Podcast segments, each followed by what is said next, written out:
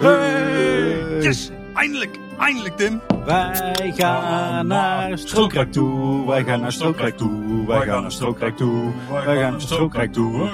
Hey. Feestje bouwen, Paul. Zo. Trek jij de champagne open?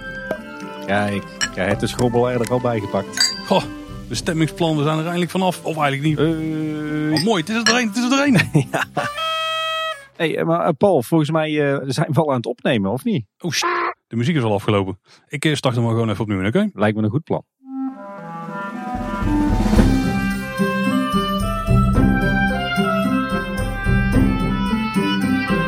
Welkom beste luisteraars bij weer een nieuwe kleine boodschap. Ja, welkom bij een wel heel feestelijke aflevering van de podcast over alles Efteling.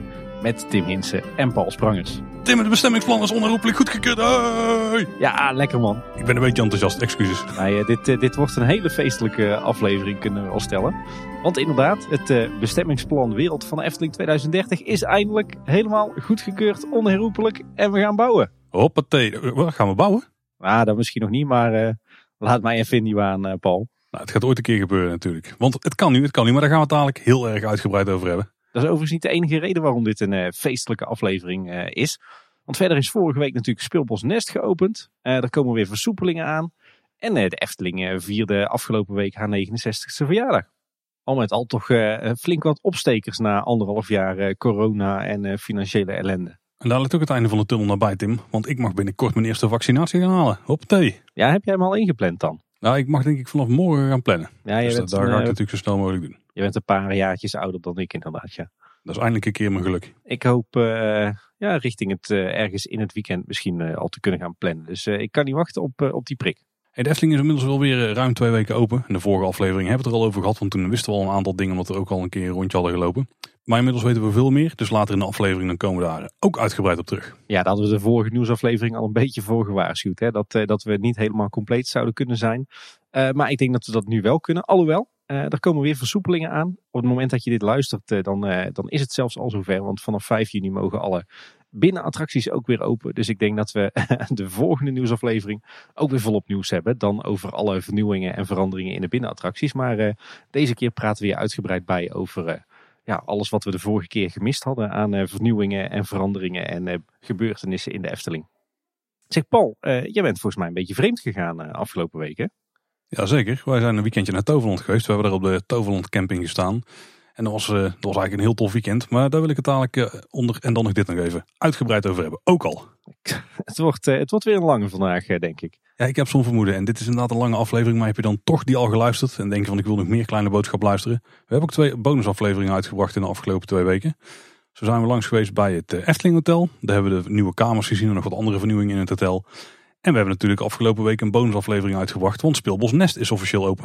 Ja, dus als je normaal gesproken alleen op de maandagochtend onze website checkt of je podcast app, eh, zoek het dan even terug, want we hebben de afgelopen twee weken maar liefst vier afleveringen uitgebracht. Ja, mocht je Tim's stem nog extra willen horen, vorige nieuwsaflevering hadden we het er al over. Maar de podcast Ambtenaren zijn het mensen, waar jij in zit Tim, die staat inmiddels ook online. hè. Linkjes vind je in de show notes. Ja, als je me twintig minuutjes wilt horen praten over, eh, over mijn werk, dan, eh, dan zou je dat kunnen luisteren. Maar het is wel een hele andere kost dan, eh, dan wat je hier bij Kleine Boodschap hoort. Nou, voordat we al die uitgebreide onderwerpen ingaan, we teasen tegenwoordig heel de aflevering kapot. Eerst de follow-up. Aflevering 214, daarbij liepen wij een rondje door het eh, Efteling Theater. Vooral achter de schermen en alle technische ruimtes hebben we daar gezien. FTpedia heeft inmiddels het lemma van het Efteling Theater flink aangevuld. Onder andere met wat informatie die wij toen eh, hebben boven water kunnen toveren. Of die toen in ieder geval nog een keer is bevestigd. Eh, dus wil je het complete verhaal over het Efteling Theater lezen? Ga dan zeker even naar FTpedia en check het lemma. Ja, en dan was er eh, de vorige nieuwsaflevering dus, aflevering 215. En zoals gezegd, daarin waren we ver van compleet. Maar dat maken we deze nieuwsaflevering eh, meer dan goed, denk ik. Maar ook een aantal correcties en wat follow-up. We hadden het in die aflevering onder meer over de plastic weg op het parkeerterrein die daar was aangelegd. Eh, we zijn er inmiddels ingedoken en we, we weten er wat meer van. Het product heet ook echt Plastic Road. Eh, en we hebben wat eh, mooie droombeelden onder andere opgedoken van de aanleg van die plastic weg op het parkeerterrein. We zullen daar even naar, naar linken in de show notes. En ik ben er ook even ingedoken wat het nou is. Maar het zijn een soort ja, kunststof of plastic cassettes. met bovenop ja, het, het plastic wegdek. En daaronder ja, er zit wat ruimte om regenwater in op te vangen en af te voeren. Dus uh, daarmee is het uh, zogenaamd duurzaam, want het, uh, het is gemaakt van hergebruikt plastic en je kunt water vasthouden. Ehm, maar ja, als je het mij vraagt, dan is het echt een verschrikkelijk product. want volgens mij de beste manier van een duurzame weg aanleggen is een weg aanleggen van, van de gebakken klinkers van 100 jaar oud. Die zijn er nog genoeg. En die, die zijn zo goed, die kunnen vaak nog, nog enkele honderden jaren mee. En uh, de beste manier van uh, in deze tijd klimaatneutraal een weg aanleggen, is ervoor zorgen dat het, uh, het regenwater gewoon netjes in een groenstrook kan lopen, links en rechts van de weg. En dan heb je een perfecte duurzame weg in plaats van dat je allerlei plastic cassettes in de grond moet gaan stoppen. Dus wat mij betreft is dit uh, een wanproduct. En ik snap eigenlijk ook niet dat uh, de Efteling zich hiervoor uh, heeft laten strikken. Ik zou zeggen, haal die rotzooi snel uit het parkeerterrein. En kies gewoon voor een mooie oude gebakken klinker. En lekker veel plantsoentjes waar het, het water in weg kan zakken. Dan heb je een, een heel duurzaam en klimaatrobuust parkeerterrein. Ja, hij begint inmiddels ook te slijten al. Want de, de andere die zit al los dus. Nou, lekker duurzaam toch hè? ja, inderdaad. Maar ik, ik, denk dat de Efteling zich hier uh, vooral heeft laten strikken door een, uh, een leverancier of een, uh, een aannemer die het mooi vertelde en die het waarschijnlijk gratis heeft aangeboden aan de Efteling. Maar laten we hopen dat we dit niet meer gaan zien op het parkeerterrein of elders in het park.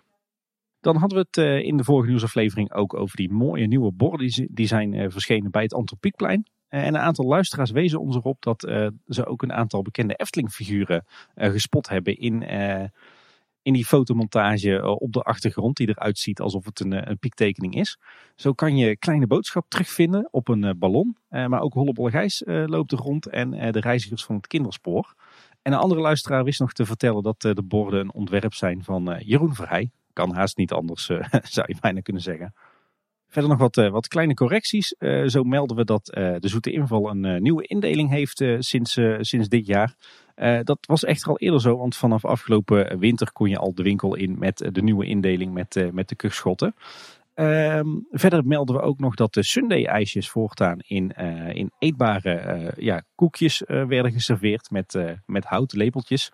En niet meer in plastic, maar ook dat is niet helemaal waar. Want bijvoorbeeld bij de Horendes Overvloeds krijg je je Sunday-ijsje nog gewoon in een plastic beker met een plastic lepeltje. Dus daar is de verduurzamingsslag nog niet helemaal doorgevoerd.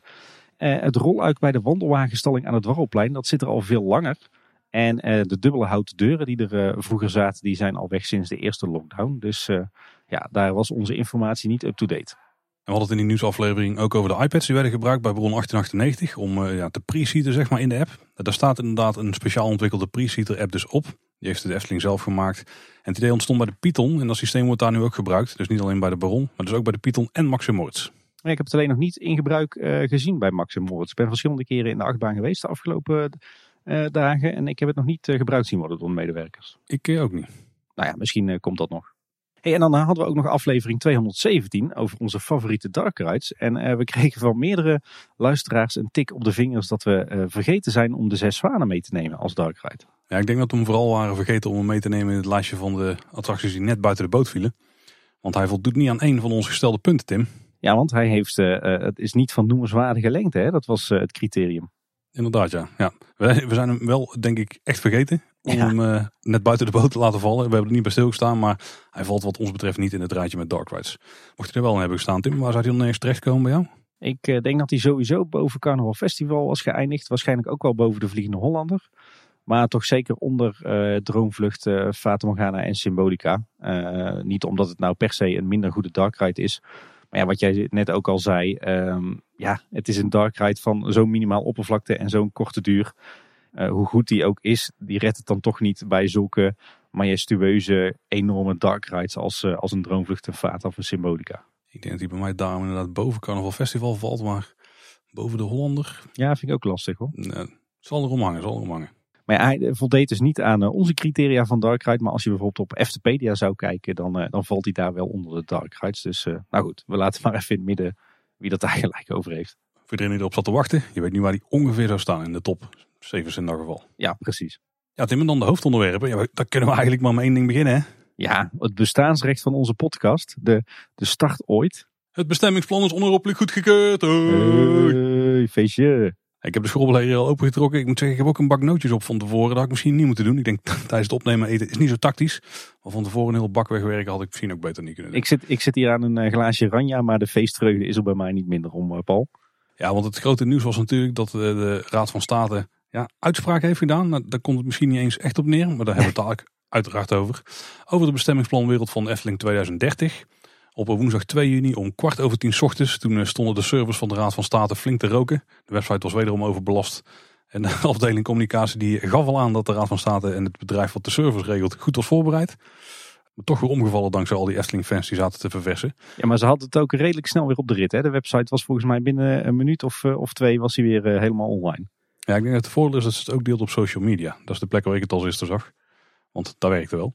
Ik vond het wel grappig dat inderdaad dus de afdeling communicatie van de Raad van State op al die fanatieke Efteling fans. Alhoewel, ja, net niet genoeg dus eigenlijk. Twee, drie minuten downtime, dat is acceptabel. Dat eh, is meer eh, jouw vakgebied. Hé, hey, maar Paul, eh, ik denk dat we niet, niet mogen onderschatten hoe belangrijk dit moment was. Want hier hebben we nou ja, bijna zes jaar op, op zitten wachten. Hè? Ja, dat klopt. ja, Want het hele traject startte in 2015. En nu eindelijk in 2020, midden 2021, is de uitspraak daar.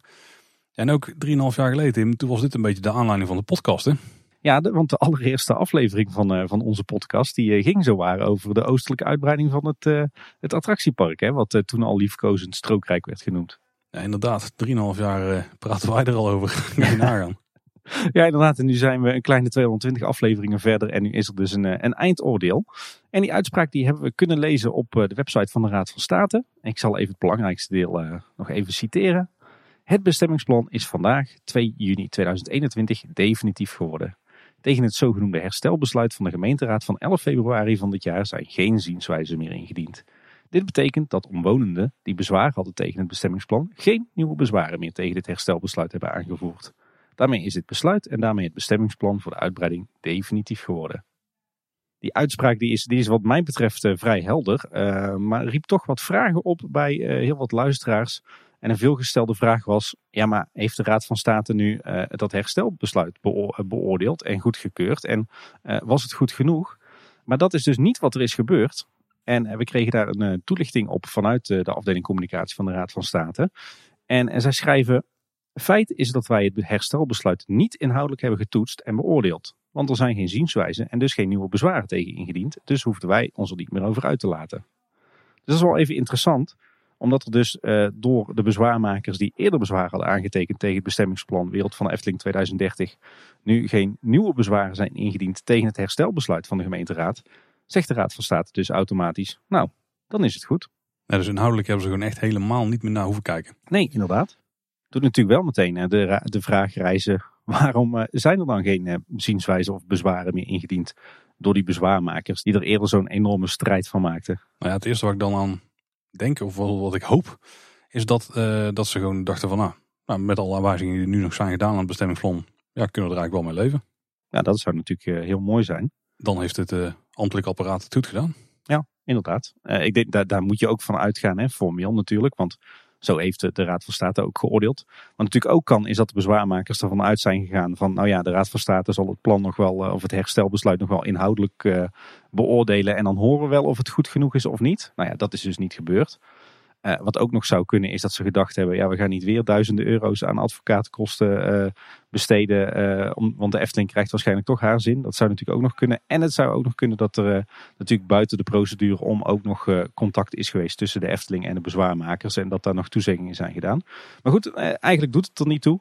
Eh, het doet er dus ook niet toe of het herstelbesluit nou goed genoeg was of niet om al die bezwaren eh, van de Raad van State eh, uit de weg te helpen. Want ja, er zijn geen bezwaarmakers meer. En daarmee is het, het bestemmingsplan, de laatste versie, dus inclusief die wijzigingen uit het herstelbesluit, die is actueel geworden en die treedt in werking. En nou ja, vanaf dit moment kan de Efteling dus gaan uitbreiden. En daar zijn wij extreem blij mee, Tim. Ja, absoluut. Nu kunnen we echt gaan kijken naar de toekomst zonder daarbij nog te gissen naar wat kan er nou wel, wat kan er nou niet. Ja. Want dat ligt gewoon vast nu. Precies. Ehm, overigens, voordat we eh, antwoord gaan geven op die vraag van wat kan er nu. eh, wat ook nogal interessant is in de uitspraak van de Raad van State is dat eh, de gemeenteraad van Loon op Zand alleen de proceskosten van de tweede groep bezwaarmakers moet vergoeden. En dat, dat was die, die groep bewoners van onder meer de Bergense Hoef en de Bergstraat. die werden vertegenwoordigd door advocaat Wolf. De eerste groep bezwaarmakers die, die wat landbouwpercelen hadden rond de Kinkerpolder of hebben, de bezwaren daarvan die waren al eerder ongegrond verklaard. Dus die krijgen daarom geen vergoeding. Het standpunt van de bezwaarmakers uit die tweede groep was trouwens dat ze vonden dat ze recht hadden op extra vergoeding. Omdat volgens hun de procedure in de categorie zwaar of zeer zwaar zou vallen. Maar de Raad van State heeft dat niet gehonoreerd. En dat betekent dat de gemeente uiteindelijk 2200 euro proceskosten moet vergoeden aan de bezwaarmakers. En overigens denk ik dat, dat de gemeente die rekening gewoon doorschuift naar de Efteling op. Maar goed, 2200 euro, dat is het denk ik dubbel en dwars al waard. En dus een flinke overwinning voor de Efteling, Tim. Ja, zeg dat wel. Ik denk dat we dat zeker niet moeten onderschatten. Want dit is de, de meest omvangrijke bestemmingsplanwijziging in de hele geschiedenis van de Efteling. Nog nooit is er zo ongelooflijk veel gewijzigd aan de bestemmingen van, uh, van de wereld van de Efteling uh, als nu. En ik denk, hè, het, het plan heet uh, Wereld van de Efteling 2030, om, omdat het plan het einddoel in 2030 zou verbeelden. maar ja, dat was natuurlijk het geval in 2000, 2015. Dus gaven ze zichzelf 15 jaar de tijd om dat te realiseren. Maar als ik heel eerlijk ben en ik zie hoe ongelooflijk veel uitbreidingsruimte ze nu krijgen rond de Efteling, dan denk ik dat ze met gemak nu 20 tot 30 jaar hiermee vooruit kunnen zonder dat ze ook maar één bestemmingsplan hoeven te wijzigen. Dat denk ik ook, ja. Het, het, is een enorm lange zit geweest, hè, die zes jaar. Maar eh, niet voor niks, want ze kunnen hier echt nou ja, bijna ongelimiteerd op eigen terrein mee uitbreiden. Als je heel plat slaat, in principe heeft nu genoeg grond de bestemming dagrecreatie gekregen, zodat je nog een compleet nieuw themapark zou kunnen gaan bouwen. Zoveel hectare is er gewoon bijgekomen. En dan echt een themapark van formaat. Ja, wel meer dan dat zelfs. Sommige parkgroepen zouden er meerdere themaparken van kunnen bouwen, denk ik. Op kunnen bouwen. inderdaad. Hey Paul, we hebben het eh, in de afgelopen 200, eh, wat is het, 215, 2016 afleveringen al heel vaak, al heel vaak gehad over, over wat er allemaal mogelijk is als het bestemmingsplan werkelijkheid wordt. Nou ja, dat moment is nu daar. Ehm, we gaan het nu niet weer heel uitgebreid hebben over wat er allemaal kan. Maar misschien even heel kort een opsomming van wat er vanaf nu mogelijk is aan uitbreidingen. Jazeker, ja, want aan de oostzijde van het park, daar gaan we waarschijnlijk als eerste iets, iets zien gebeuren. Daar hebben we natuurlijk al de reisrijk uitbreiding aangekondigd. Maar er zijn waarschijnlijk meerdere fases waarin ze daar iets gaan doen. Ja, in een, uh, in een plan wat we ooit hebben opgeduikeld werd er gesproken over drie fases. Ja, dat ging over de reisrijk uitbreiding, de ruigrijk uitbreiding en eventueel een hotel. We hebben natuurlijk al de kaartjes weer doorgespit. En het hotel lijkt steeds minder waarschijnlijk, tenzij ze het combineren met een attractie. Ja, dat zou betekenen dat eh, de Eftelingse straat een stukje verlegd zou worden. Hè? Dat zeg maar het, het perceel waar vroeger de directiewoning eh, op stond, dat die bij het, eh, bij het Ruigrijk getrokken zou worden. Of voor een hotel of voor een stukje uitbreiding van het park. Maar dat is een, een lastig hoekje daar nog. Ja, dat is een, een plekje waar ze ook maar 11% mogen bebouwen. En waar de maximale bouwhoogte maar 25 meter is. Om even de vergelijking te trekken met bijvoorbeeld het Efteling Hotel. Wat denk ik daar prima zou passen op dat stuk. Daar is bebouwingspercentage 40%. En eh, de hoogte van het Efteling Hotel is 35 meter. Dus dat wordt een lastig verhaal, denk ik. Nou, misschien een, eh, een budgethotel of een eh, camping daar. Een heel smal hotelletje. ja, zo'n uh, capsulehotel. Dat is helemaal hip tegenwoordig. Nee. Maar het, het, is denk ik ook een prima plek waar je een, een, bijvoorbeeld de lus van een grote achtbaan kunt neerleggen. Een paar, uh, paar mooie stukjes bochtenwerk. En, en technisch gezien past heel Taron ook op dat stukje. Dus zijn mogelijkheden zat. Je hebt weer lekker zitten tekenen inderdaad. Uiteraard. uh, verder aan de westzijde van het park, uh, het hoofdparkeerterrein wordt een soort uh, VIP-parking is het idee. En de korte kant, dus zeg maar het smalle stukje parkeerterrein, dat wordt uitbreiding van het Sprookjesbos. En dan heel belangrijk, denk ik, de, de grootste uitbreidingsmogelijkheid in het, het bestemmingsplan dat nu geldt is dat de Efteling aan de westzijde enorm kan uitbreiden qua dagrecreatie. Dan hebben we het over het huidige oppervlak van overloopparkeerterrein KLM. Maar ook nog ongeveer, ja, wat zal het zijn, een derde tot de helft van het enorme terrein aan weilanden en akkers aan de overzijde van de Dodenauweg. Waar op hele drukke dagen wel eens wat auto's worden gezet. Maar ja, de Efteling krijgt dus enorm veel ruimte om ook aan de westzijde uit te breiden. Wel met de kanttekening uh, dat dat uh, voor het overgrote deel indoor moet zijn. En dat daar een uh, veel hoger bebouwingspercentage geldt dan, dan in het huidige park. Ja, het bebouwingspercentage aan die kant is 60% tegenover de 11% van het huidige park. En de Efteling heeft ook daartoe gezegd dat ze dus inderdaad alleen dingen binnen gaan doen. Dus verwacht daar niet acht banen die vrij weinig bebouwingspercentage innemen. Kan natuurlijk wel acht banen, maar dan zijn ze binnen. En de maximale bouwhoogte die eh, begint eigenlijk op 15 meter aan de rand. Maar die mag in het midden van het gebied mag die 25 meter hoog zijn. En dat is wel het overgrote deel van het eh, te bebouwen gebied waar het 25 meter mag zijn. Dus er zijn aardig wat mogelijkheden. Ja, en de vraag is natuurlijk wat gaat hier gebeuren. Hè? Er, eh, er zijn geluiden van een, een, soort uitrijk, maar ook van een uitbreiding van het Eftelingpark. Of zelfs een, second gate of een, een waterpark. nou goed, dat, dat zou hier allemaal kunnen nu. Uh, verder kan uh, er nu ook een uh, enorm nieuw parkeerterrein worden aangelegd. Het parkeerterrein West. die komt dan nog achter de uitbreiding te liggen van het, van het park aan de westzijde. Waar we het net over hebben gehad. Dus zeg maar op de tweede helft van, van dat enorme oppervlak aan, aan weilanden en, en akkers. Aan de overzijde van de Dodenauweg. Ik vermoed dat, dat de huidige vak KLM, dus de huidige overloopparkeerterrein, dat die gewoon gefaseerd verplaatst gaat worden, steeds verder naar het westen. Maar in de eindsituatie van het bestemmingsplan ligt hij dus helemaal in het, in het verre westen. En wordt er ook een eigen weg over eigen Eftelingterrein aangelegd naar dat parkeerterrein toe. Ja, vanaf de Eftelingse straat en vanaf de Europalaan. Ja, inderdaad, want dat is een, een andere wijziging die nu mogelijk wordt. De Efteling eh, heeft natuurlijk de hoofdaansluiting via de Europalaan en het hoofdparkeerterrein. Maar er, gaat, er mag nu ook een zuidelijke ontsluiting komen. voor verkeer vanuit richting Tilburg en België. en die loopt dan via de afritloon op Zand, de afrit van de N261 over de Bergstraat en de Horst. En dan via de uitgebreide en verbrede Eftelingse straat richting de parkeerterreinen van de Efteling. Maar die mag wel maar een, een zeventigtal dagen per jaar gebruikt worden. Ja, en op het nieuwe parkeerterrein daar hebben ze ook de mogelijkheid om carporten te plaatsen met zonnepanelen. Dus ik verwacht dat als ze er zal gaan plaatsen op vak KLM, dat ze dan uiteindelijk verplaatst worden naar het nieuwe parkeerterrein. Ja, en uh, verder uh, is er ook nog de verwachting dat er parkeerterreinen of parkeergarages komen rond het, het, huidige café de Efteling. Voor verkeer wat via die zuidelijke ontsluiting rijdt. Hoewel dat dat nog niet helemaal zeker is, want in, in de huidige eindversie van het bestemmingsplan heeft dat gebied ook de bestemming dagrecreatie. Dus ook daar zou je nog recreatieve functies kunnen zien. Alhoewel, binnen de bestemming dagrecreatie is ook overal parkeren mogelijk. Dus uh, ja, wie weet wat ze daar nog mee gaan doen.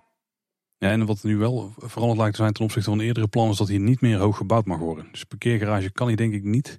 En dagrecreatie waar je verder niet kunt bouwen. Ja, dat lijkt me toch wel echt dat dit parkeerzone zou kunnen worden. Als het dal wordt of als het dan nodig is. Ja, en tot slot ook nog een uh, flinke uitbreidingsmogelijkheid. Uh, er komt namelijk een extra strook beschikbaar voor verblijfsrecreatie. Tussen het golfpark en Eftelingse straat. Eh, en er zijn een aantal flinke percelen waar ze eh, wellicht eh, vakantieparken of campings kunnen aanleggen. en daarnaast wordt er ook beperkte mate van verblijfsrecreatie toegestaan op het golfpark. Al staat dat laatste natuurlijk even op losse schroeven, aangezien er een andere exploitant op het golfpark zit nu. Maar goed, dat is maar voor, voor de komende tien jaar. Dus wie weet wat, wat daar nog voor mogelijkheden zijn uiteindelijk. En als je nu denkt, ligt er helemaal in het westen verblijfsrecreatie? Dat is toch ver weg van het attractiepark? Ja, dat klopt op dit moment nog wel het ligt wel strak tegenover de uitbreidingsmogelijkheden aan het westen. Dus die verblijfsrecreatie ligt dan en dicht bij de nieuwe parkeerplaats die daar komt te liggen. Maar ook gewoon dicht bij de dagrecreatie-uitbreiding die in het westen ligt. Ja. Dus in de toekomst zal het ook vrij dicht bij interessante plekken van de Efteling liggen. Ja. ja, en ik denk dat we het uh, nu nog uh, vijf uur zouden kunnen hebben over wat er allemaal wel en niet mag. En welke bebouwingspercentages en hoogtes en wat voor lichtmasten wel of niet zijn toegestaan. Maar dan, uh, dan vallen we heel erg in, in herhaling. Dus dat, dat gaan we nu niet doen. Maar wie weet dat we het daar in de toekomst nog weer eens over zullen hebben. Als ik zo het plattegrondje bekijk, Tim, dan eh, rijst er maar wel één vraag. Want we zijn van deze bestemmingsplanwijziging af. Maar het is nog een beetje een lappendeken in het westen. Ja, klopt inderdaad. Want de Efteling heeft, eh, heeft nog niet alle grond aan de westzijde in eigendom. Er zijn nu een paar plekjes, ja, die, die zijn er gewoon voor gemaakt om ooit opgeslokt te worden door de Efteling ook. De eigenaren zijn het dan misschien niet mee eens, maar ik denk dat het onvermijdelijk is in de toekomst. Want die liggen echt dadelijk helemaal ingesloten in ja, bijvoorbeeld het Duitse bosje en het, eh, de uitbreiding van de dagrecreatie in het westen. Maar ook de plekken waar ze verblijfsrecreatie mogen bouwen in het westen. Ook daar zit dus een, een, eigenlijk een best wel flinke hap uit. Ja, inderdaad. Er zijn nog wat agrariërs uh, eigenaar, denk ik. En uh, zo heb je bijvoorbeeld ook rondom de brandweerkazerne heb je ook nog aardig wat grond liggen die volgens mij eigendom is van de gemeente. Maar goed, weet je, ze hebben nu meer dan genoeg uitbreidingsruimte, zowel in eigendom als in de juiste bestemming. Dus ze kunnen voorlopig vooruit. En ik denk inderdaad, als het hele gebied aan de westkant vrijwel volledig is opgeslokt door de Efteling, dat die laatste paar percelen ook wel goed komen. Ik denk dat ze ook wel rekening houden in de plannen met, hmm, wat zouden we kunnen doen als we dit ooit erbij krijgen? Dus ik denk als je daar tekeningen straks voor gaat zien ooit in de toekomst, dan denk ik dat je wel bepaalde toegangen ziet tot die percelen die ooit nog volgebouwd kunnen worden met iets anders interessants. Ja. Zeg, weet je wat ik trouwens wel een aanrader vind voor onze luisteraars? Stel dat je nou uh, geen goed beeld hebt bij over welke terreinen hebben ze het nou allemaal. Nou, ik kan me dat bijna niet voorstellen als je al ruim 200 afleveringen Kleine Boodschap hebt geluisterd. Maar goed.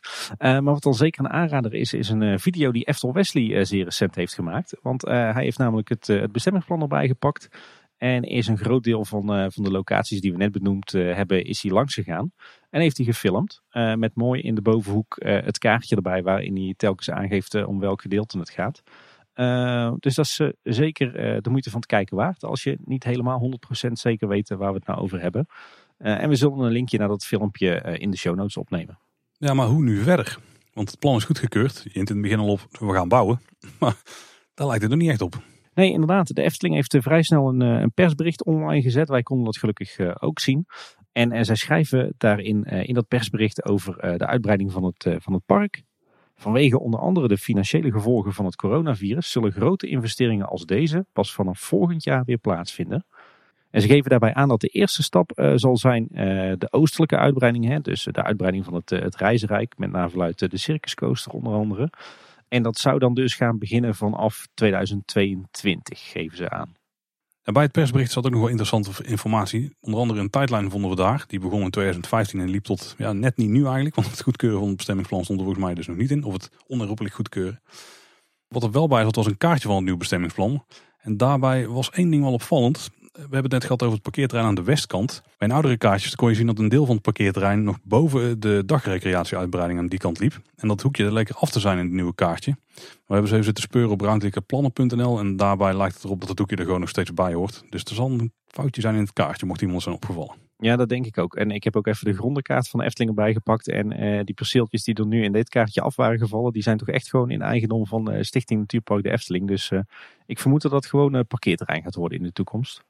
Uh, iets anders opvallend uh, op dat kaartje was trouwens wel dat, uh, dat waar er voorheen overal Efteling Golfpark stond, dat er nu Golfpark staat. Ja, daar kan ik de reden wel van verzinnen, denk ik. Ik ook. Hey, er zat trouwens ook een linkje bij naar een video van de Efteling. die video die is overigens door de Efteling ook gewoon openbaar gereleased, ook via, via social media.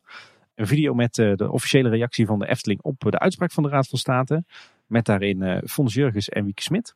En ik moest wel lachen, want volgens mij hebben ze ruim van tevoren twee versies opgenomen. Eentje voor een uh, positieve uitslag en eentje voor een negatieve uitslag. Uh, dat moet natuurlijk technisch ook wel. Maar het grappige was dat de, de tekst die Wieke sprak uh, niet klopte. Want die zei namelijk, alle bezwaren zijn ongegrond verklaard. Dat is natuurlijk helemaal niet waar, want er waren helemaal geen bezwaren meer. Dus dat was een kleinigheidje. Ze zijn ongegrond verklaard nadat we alle wijzigingen hebben gedaan, waardoor al die bezwaren niet meer zinnig waren. Dat bedoelden ze eigenlijk, maar dan wel kort samengevat. Ja, precies. En er stond trouwens ook nog een superleuk artikel in, uh, zowaar in de Volkskrant zelfs. Uh, dat was een mooi interview met, uh, met ons fonds. Over het besluit van, van de Raad van State en over de toekomstplannen. En wat dit nu betekent voor de toekomstplannen voor de Efteling. Ja, eigenlijk gaf het ook best wel een aardige tijdlijn van alle gebeurtenissen sinds 2015. Of 2014 eigenlijk, bij de aanstelling van fonds. Ja, ja zeker. Hij heeft toch een aardige bewogen loopbaan tot op heden bij de Eftelingen. Inmiddels wel, ja. Wel een beetje allergisch trouwens voor hoe ze dan fonds de topman noemen en zo. Dat voelt toch meer zoals de grote bedrijven, weet je wel, de Shells en zo. Ja, inderdaad. In de, ja, terwijl in de Efteling heb je toch het gevoel dat, uh, dat ze het met z'n allen doen, hè? Precies. Ik wou bijna zeggen dat we het met z'n allen doen. Maar goed, wij zijn natuurlijk niet in dienst bij de Efteling. Ja, wat gaat er nou op de korte termijn gebeuren dan? Want gaat er al iets gebeuren aan het oosten? Want ik verwacht niet heel snel punten voor de glazen bol uh, in die hoek van mij. Maar ik kan me toch niet voorstellen dat ze daar nog niks gaan doen aan grondwerk of zo.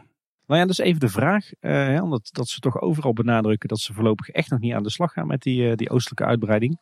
Uh, ik ben wel benieuwd. Misschien dat ze toch alvast wat, wat hekken rondom Strookrijk zetten. Of tijdelijke bouwhekken, of misschien al wel een definitieve hek.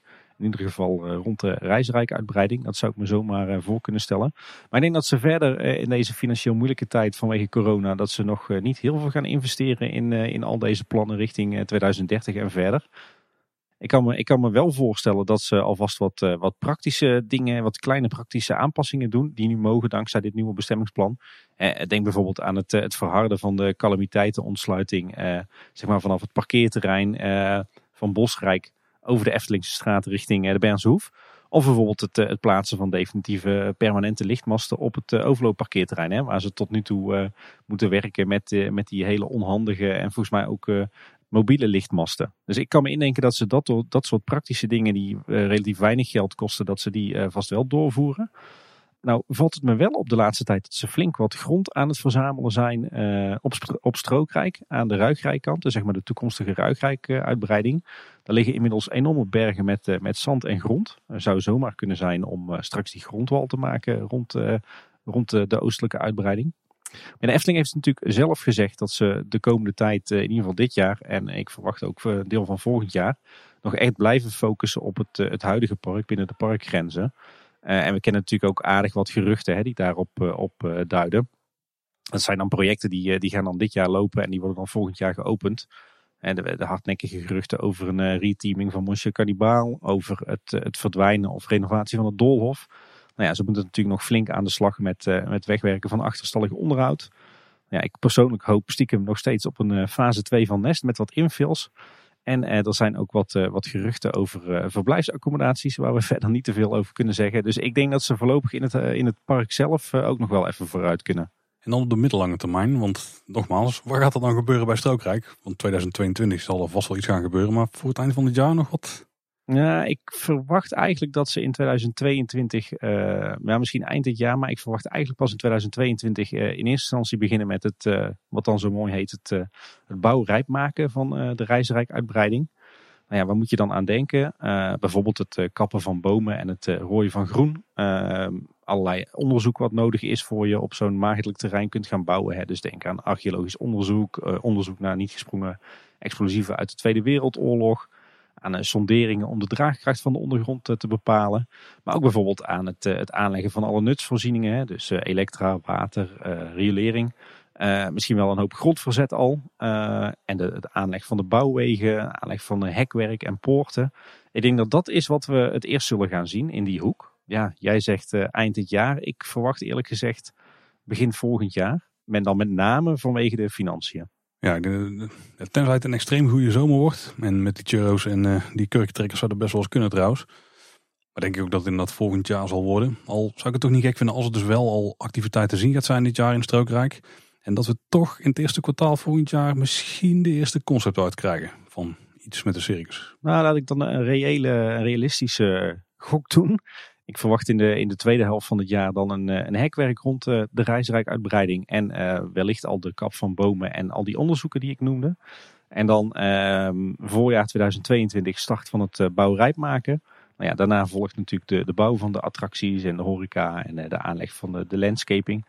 En dan zet ik mijn geld erin op in op opening uh, uitbreiding zomer 2023. Ja, dat zou wel eens kunnen, ja. En dat betekent dat we het eh, in 2022 moeten doen met eh, een Monsieur Cannibal, met, eh, met onderhoud en met iets met verblijf. Nieuwe snacks.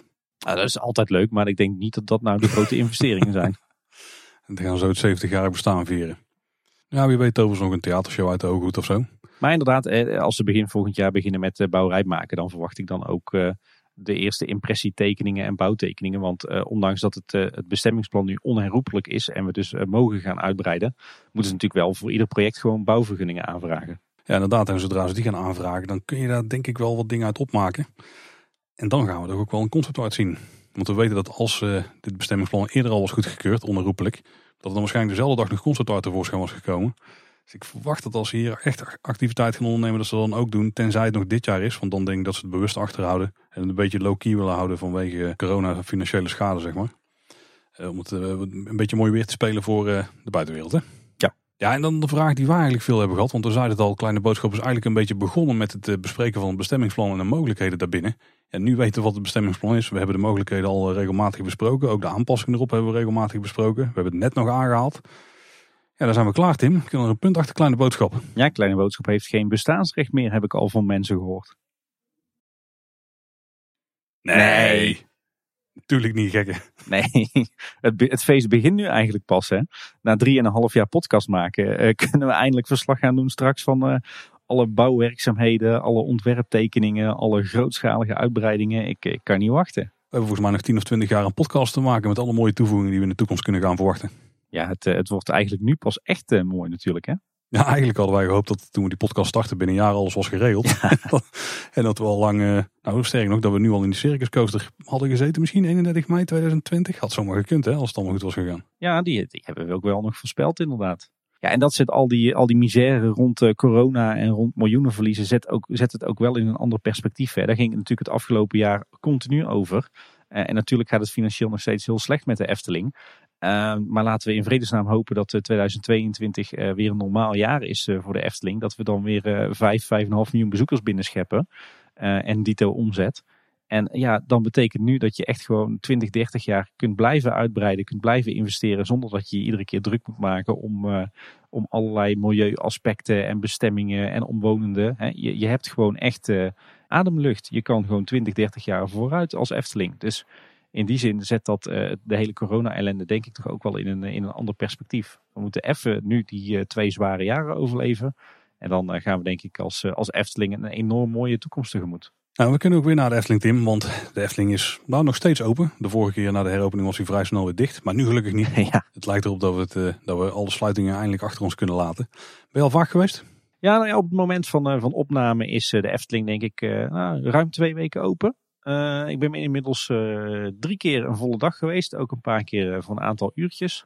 Dus ja, ik ben inmiddels al wel best wel een aantal keren geweest. Alhoewel ik wel moet zeggen, het is niet zo vaak als ik had gehoopt. Want het maken van reserveringen is nogal een, een uitdaging momenteel voor abonnementhouders. Maar nou ja, op zich mag ik niet klagen met de drie volle dagen Efteling natuurlijk. Ja, door de week zijn er best wel veel mogelijkheden, zeker met last minute tijdsloten. Maar ben er ook wel op tijd bij, want anders dan kom je te laat. Wij zijn vier keer geweest, denk ik, tot nu toe. Nou, dat doe je, doe je goed. Nou, één keer was wel met jou, voor Nest. Ah, nee. Ja, wel mee.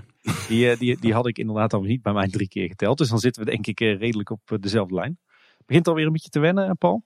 Nee, nog niet eigenlijk. Nee, hè? het voelt nog steeds eh, gek. Ik moet echt wel even wennen aan dat je gewoon ieder moment van de dag in principe naar de Efteling zou kunnen met een reservering. Nou, niet ieder moment van de dag, maar je snapt wat ik bedoel. hè? Ja, ik heb dat ook wel. Het voelt nog steeds als heel bijzonder dat we de Efteling weer in kunnen. En ook als iets wat we echt moeten koesteren. Je weet pas wat je hebt als het weg is, hè? Ja, inderdaad. Hey, weet, je, weet je wat me trouwens opviel? Eh, het Pinksterweekend was enorm druk in de Efteling. Nou ja, volgens mij ook in, eh, in alle eh, toeristische bestemmingen in, in Nederland. Ondanks dat het echt verschrikkelijk slecht weer was. en dat alle binnenattracties gesloten waren. En wij hadden allebei verwacht dat, dat dat ervoor zou zorgen dat die eerste paar weken Efteling dat het super rustig zou zijn. Maar niets bleek minder waar, hè? Ik vind het eigenlijk op alle dagen best wel eh, netjes gevuld. Maar tijdens Pinkster was het inderdaad extra opvallend. Ja, het zou misschien kunnen komen dat mensen er gewoon weer naar snakken hè, na een dagje uit. Of misschien dat die reservering heel erg helpen met ja, toch gewoon komen omdat je hebt gereserveerd en niet zomaar op een andere dag weer terecht kunt. Ja. ja, maar dat was op zich vorig jaar op de heel slechte dagen was het ook gewoon rustig. Dan hadden mensen zoiets van laat die reservering maar verlopen. Maar het viel mij dus op dat, eh, want Pinksterweekend, twee van de drie dagen waren echt volledig verregend. Dat park gewoon vol zat. Echt wel, eh, wel bijzonder. Dus blijkbaar eh, deed het er even niet toe voor de mensen dat het, eh, dat het eh, enorm slecht weer was. En eh, had het dus blijkbaar ook geen enkel effect dat de binnenattracties dicht waren. Ja, ja, ik weet niet wat voor volk er was. Of dat het vooral verblijfsgasten en abonnementhouders waren. Maar Nou, ik denk positief. Eh viel me trouwens wel één dingetje op in de Efteling ten opzichte van een aantal andere plekken waar ik geweest ben de afgelopen tijd. En dat is dat de Efteling afgelopen winter wel heel erg geïnvesteerd had in een hoop overkappingen overal waar je onder kon schuilen. Eh, maar dat al die overkappingen eh, weer zijn verdwenen. En eh, zeker tijdens zo'n Pinksterweekend, dat het echt nou ja, soms urenlang stortregende. Dan heb je ineens in een Efteling zonder binnenattracties en, en zonder restaurants, heb je ineens maar bar weinig plekken om even te schuilen. ja, dat is een ding wat Pandendroom er wel goed voor was altijd. ja. Maar dat, was, eh, dat, dat is iets dat heb ik van heel veel mensen gehoord. Hoor, die echt eh, met hun ziel onder de arm stonden van ja, waar moet ik nou in vredesnaam heen? Want alle binnenlocaties zijn dicht en er zijn ook nergens eh, overkappingen of doeken opgehangen of zo. Maar goed, inmiddels is dat probleem voorbij gezien het, het weer op dit moment. En het reserveren is inderdaad op dit moment lastig. Nu is het wel zo dat met het heropenen van de binnenattracties de capaciteit iets opgeschroefd lijkt te gaan worden. Nou, we hebben begrepen dat de capaciteit op dit moment ongeveer 8000 of 8500 mensen is. Ligt een beetje denk ik aan eh, de bezetting qua personeel. Dat is echt weinig hè? Ja, ik, ik denk dat afgelopen zomer dat er wel dagen waren dat er eh 14, 15.000 mensen waren of zo. Ja, acht- 8000 man, dat is gewoon een rustig park in principe. Ja, maar vergeet niet dat natuurlijk heel veel van de attracties eh, die nu dicht zijn, er zijn ook wel de attracties waar vrij veel mensen in de wachtrij kunnen staan. Dat is waar En inderdaad. dat haalt natuurlijk een hoop drukte van de paad af. Ja, dan heb je gelijk in, want ondanks dat die capaciteit dus zo laag was, voelde het wel druk in het park eh, de afgelopen weken. Dat is waar. Gevolg is overigens wel dat voor ons als abonnementhouders in ieder geval alle weekenden vol zitten. Eh, in ieder geval de weekenden in juni. Af en toe kan je nog een tijdvak eh, tussen 5 en 7 s'avonds eh scoren. Maar goed, daar heb je natuurlijk niet heel veel aan. En het viel me zelfs op dat het, dat het behoorlijk onmogelijk is om bijvoorbeeld voor een woensdagmiddag nog een last minute reservering te scoren. Dus als abonnementhouder heb je momenteel echt pech. Want het is echt een enorme uitdaging om nog aan een reservering te komen. Ja, wat we net al zeiden, omdat de binnenattracties gaan openen, lijkt het dat de capaciteit wordt opgeschroefd en dat daarmee ook dus extra reserveringsplaatsen vrijkomen. Dus check gewoon even regelmatig de website van de Efteling om te kijken wat er nog mogelijk is. Want het kan zijn dat je in één keer weer wat plaatsen vrij ziet. Ja, ik geloof dat vandaag, we nemen dit op op donderdagavond. Vandaag kwamen er voor de, de zaterdag kwamen er ineens eh, nieuwe plekken beschikbaar. Maar die waren ook echt zo weer weg. Nou, we zijn inmiddels weer een paar keer in de Efteling geweest, Tim, en er zijn nog wat dingen opgevallen. En we hebben trouwens ook wat nieuwe dingen ervaren in de Efteling. Ja, inderdaad. We gaan eigenlijk weer verder met ons lijstje van wat er allemaal eh, veranderd en vernieuwd is eh, na vijf maanden sluiting. Hè? Jazeker, en laten we dan eens beginnen bij eh, de churros bij het Melkhuisje. Want die zijn vanaf 26 mei dus verkrijgbaar. En die worden eigenlijk geserveerd als goudstaven in een mijnkarretje. Mijnkarretje is dan het bakje, dat is wel tof gedaan. Ja, en ook het goudstavenconcept werkt erg goed hier. Ja, heel tof. Het is echt een signature snack met zelfs gethematiseerde verpakkingen. En door het te linken aan die goudstaaf wordt het wel een beetje een signature snack inderdaad. Ja, ja echt een must-have voor de verzamelaar, zo'n bakkie. En waar ik wel heel blij mee was, is dat ze die churros dus wel live voor je neus maken. Dus ze staan het deeg gewoon echt daar te kneden in, in het melkhuisje. En die gooien ze daarna in zo'n apparaat en dan knippen ze er die churros van, terwijl ze uit het apparaat komen, die ze dan meteen frituren. Dus zijn echt verse churros. Geen uh, staven uit de zak, zeg maar. Nee. En ik moet zeggen, ze smaken ook echt ontzettend goed. Jij, jij, hebt je er al aan gelaafd. Ja, zeker. En echt een knapperige buitenkant en dan een mooie zachte binnenkant. Niet uh, zompig, niet, uh, geen vette bende, zeg maar. En we hadden dan de goudstaafje special. Dus dan krijg je er nog witte chocoladesaus overheen, karamelsaus en van die gouden sprinkels. Een beetje van die disco dip sprinkels, zeg maar. Ja, moest, moest wel lachen. Op de, op de balie stond een bordje, daar stond op uh, goud musket. Ik denk, wat is in vredesnaam musket? Dat deed me denken aan een heel oud geweer. Ja. Uh, maar ik heb het even opgezocht. Uh, dat verwijst naar musketzaad en dat is een hele dure benaming voor disco dip. Dus, Serieus? Musketzaad? Okay. Dus goud musket is gewoon gouden disco dip. Maar dan chic. Dat klinkt als iets Vlaams, maar dan mag je een luisteraar uit die ook wel even bevestigen of niet. Hey, de churros die worden standaard geserveerd met kaneelsuiker. Uh, maar je kan er ook allerlei toppings op krijgen. Zoals Nutella, witte chocoladesaus of karamelsaus. En ja, wat jij al zei, er is dus ook een goudstaafje special momenteel. En wat ze ook wat aan doen is dat ze hier milkshakes verkopen. En niet de milkshakes zoals ze die voorheen hadden bij het melkhuisje. Nee, het zijn voortaan milkshakes weer op basis van softijs. Ja, en die heb ik dan weer gedronken. Nou Paul, het is lang geleden dat ik een beker drinken zo snel naar binnen heb gewerkt. Godsamme, dit is lekker. nou, ik, heb, ik heb er ook een op. Ik had de aardbeien milkshake volgens mij. Ja, ik ook. En dit zijn echt uh, de klassieke ouderwetse milkshakes. Hè, zoals je ze kent uh, uit de, de, jaren negentig in de Efteling. Of uh, ja, zoals je ze volgens mij nog steeds bij de McDonald's krijgt. Maar echt die lekker mierzoete, waarschijnlijk heel slechte milkshakes.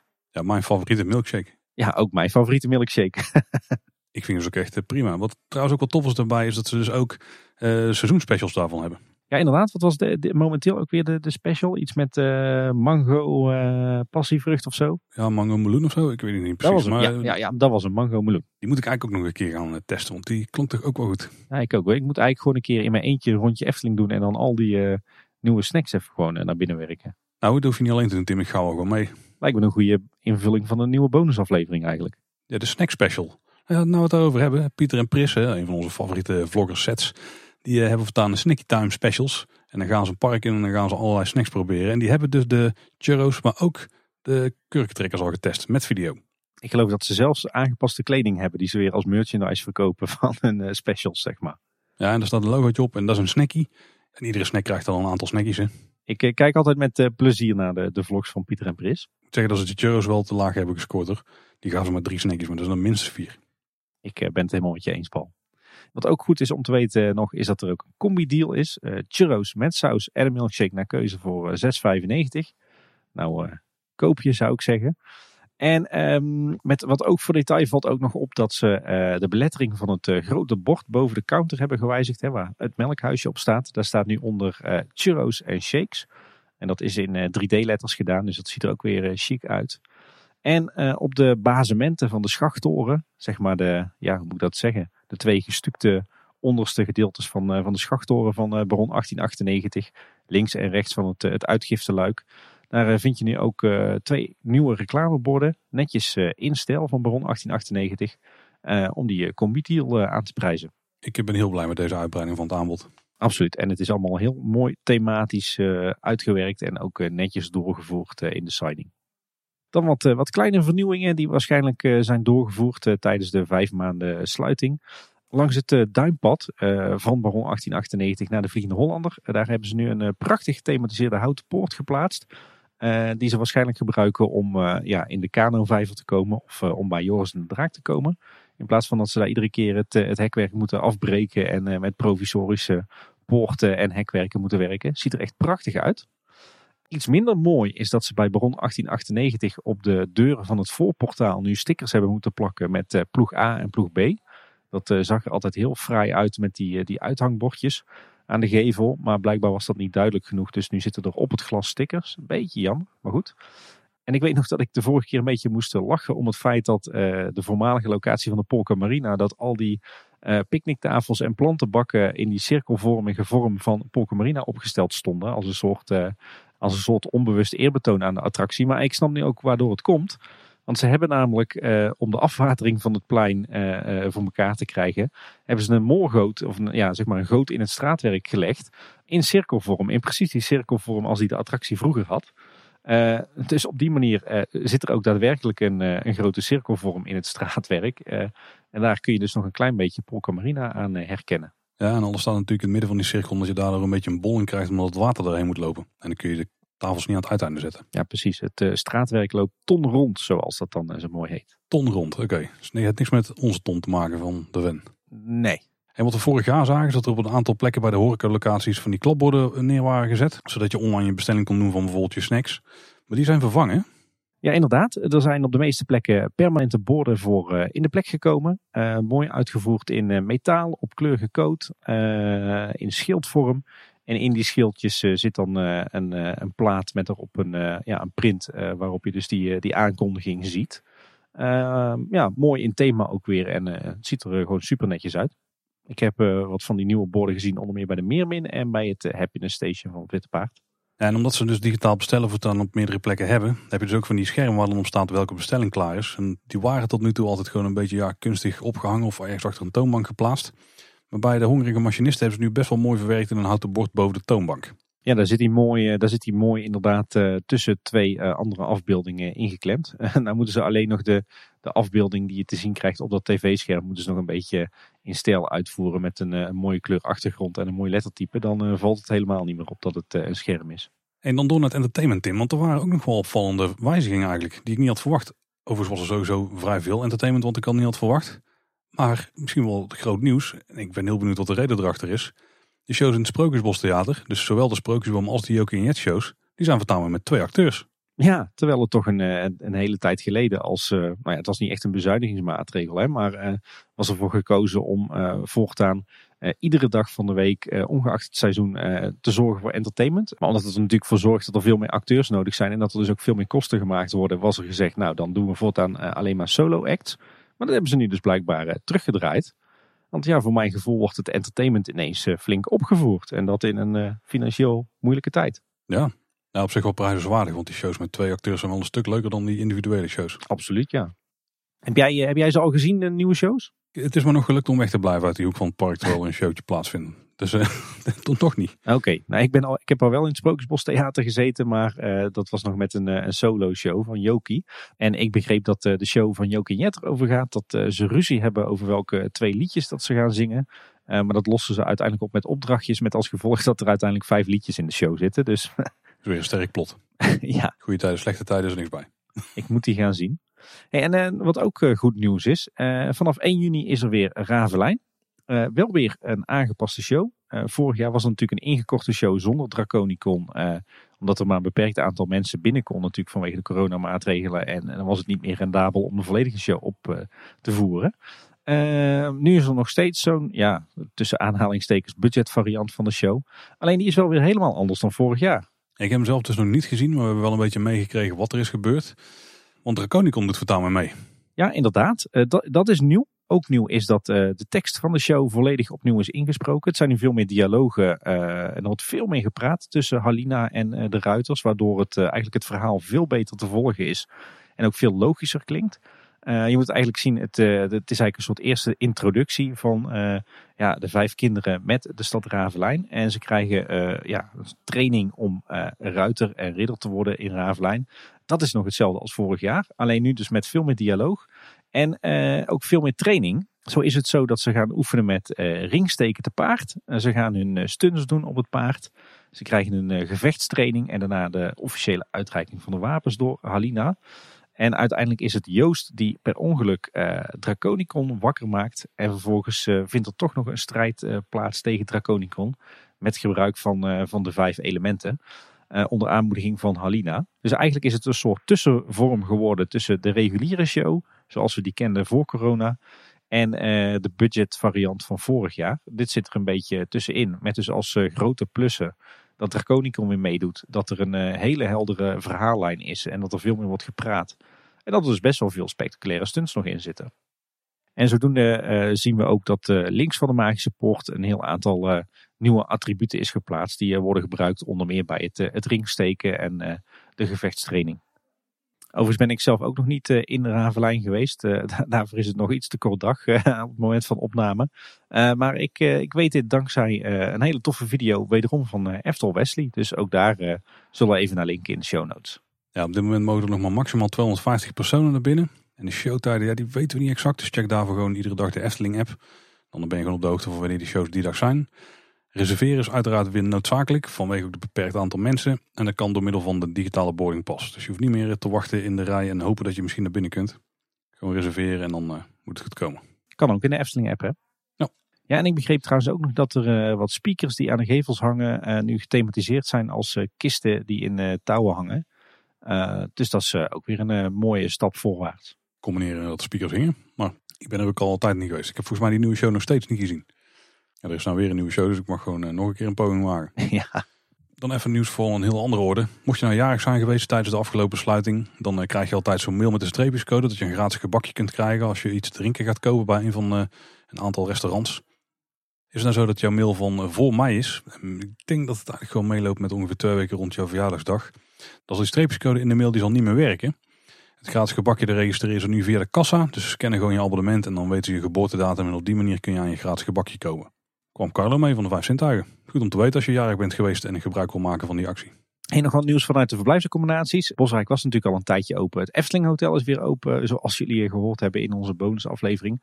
Maar inmiddels is ook eh, vakantiepark Het Loonse Land weer open.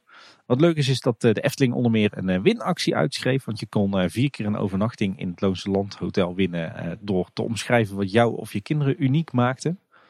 ik had opgeschreven ik maak een podcast over de Efteling. Dat is redelijk uniek, maar goed. Oh ja, tuurlijk, dat is waar. Nee, ik heb eigenlijk helemaal niet aan de winactie meegedaan. Want uh, heeft voor mij niet zin om in het Loonse Land uh, te overnachten. Ja, voor de ervaring. ja, dat, uh, misschien komt het er ooit nog van. Wat me trouwens wel opviel is dat bij het Loonse Land Hotel en dan eigenlijk bij restaurant De Proeftuin... dat daar de overkapping van het terras wel is teruggekeerd. En ik zag ook dat ze bij het Loonse Land begonnen waren met het, het aanplanten van zomergoed. En dat is dan volgens mij de, de eerste plek in de wereld van de Efteling. Want ik heb elders alleen nog maar lege borders gezien. Maar bij het Loonse Land waren ze al begonnen met planten. Het zou trouwens kunnen zijn omdat ze daar het groenonderhoud hebben uitbesteed aan een aannemer, aan Brouwers Groenaannemers. En dat het daar dus niet door de tuindienst van de Efteling wordt uitgevoerd. Ja, dat voor de wijziging in het park, tenminste de wijziging na de heropening. Wat natuurlijk ook is gebeurd, is dat Speelbos Nest is geopend. Daar hebben we al een uitgebreide aflevering over opgenomen. Aflevering 218, de vorige aflevering. Daarin hebben we een uiteindelijk oordeel, of tenminste een voorlopig eindoordeel gegeven, zoals we altijd al goed kunnen. Ja, Tim, denken we er nog steeds zo over? Ja, ik, ik, denk het wel. Ik sta eigenlijk nog steeds wel achter mijn uh, overwegend toch positieve tot zeer positieve eindoordeel. Ik ben nog steeds positief verrast en ik heb ook weer zin in mijn volgende bezoekje.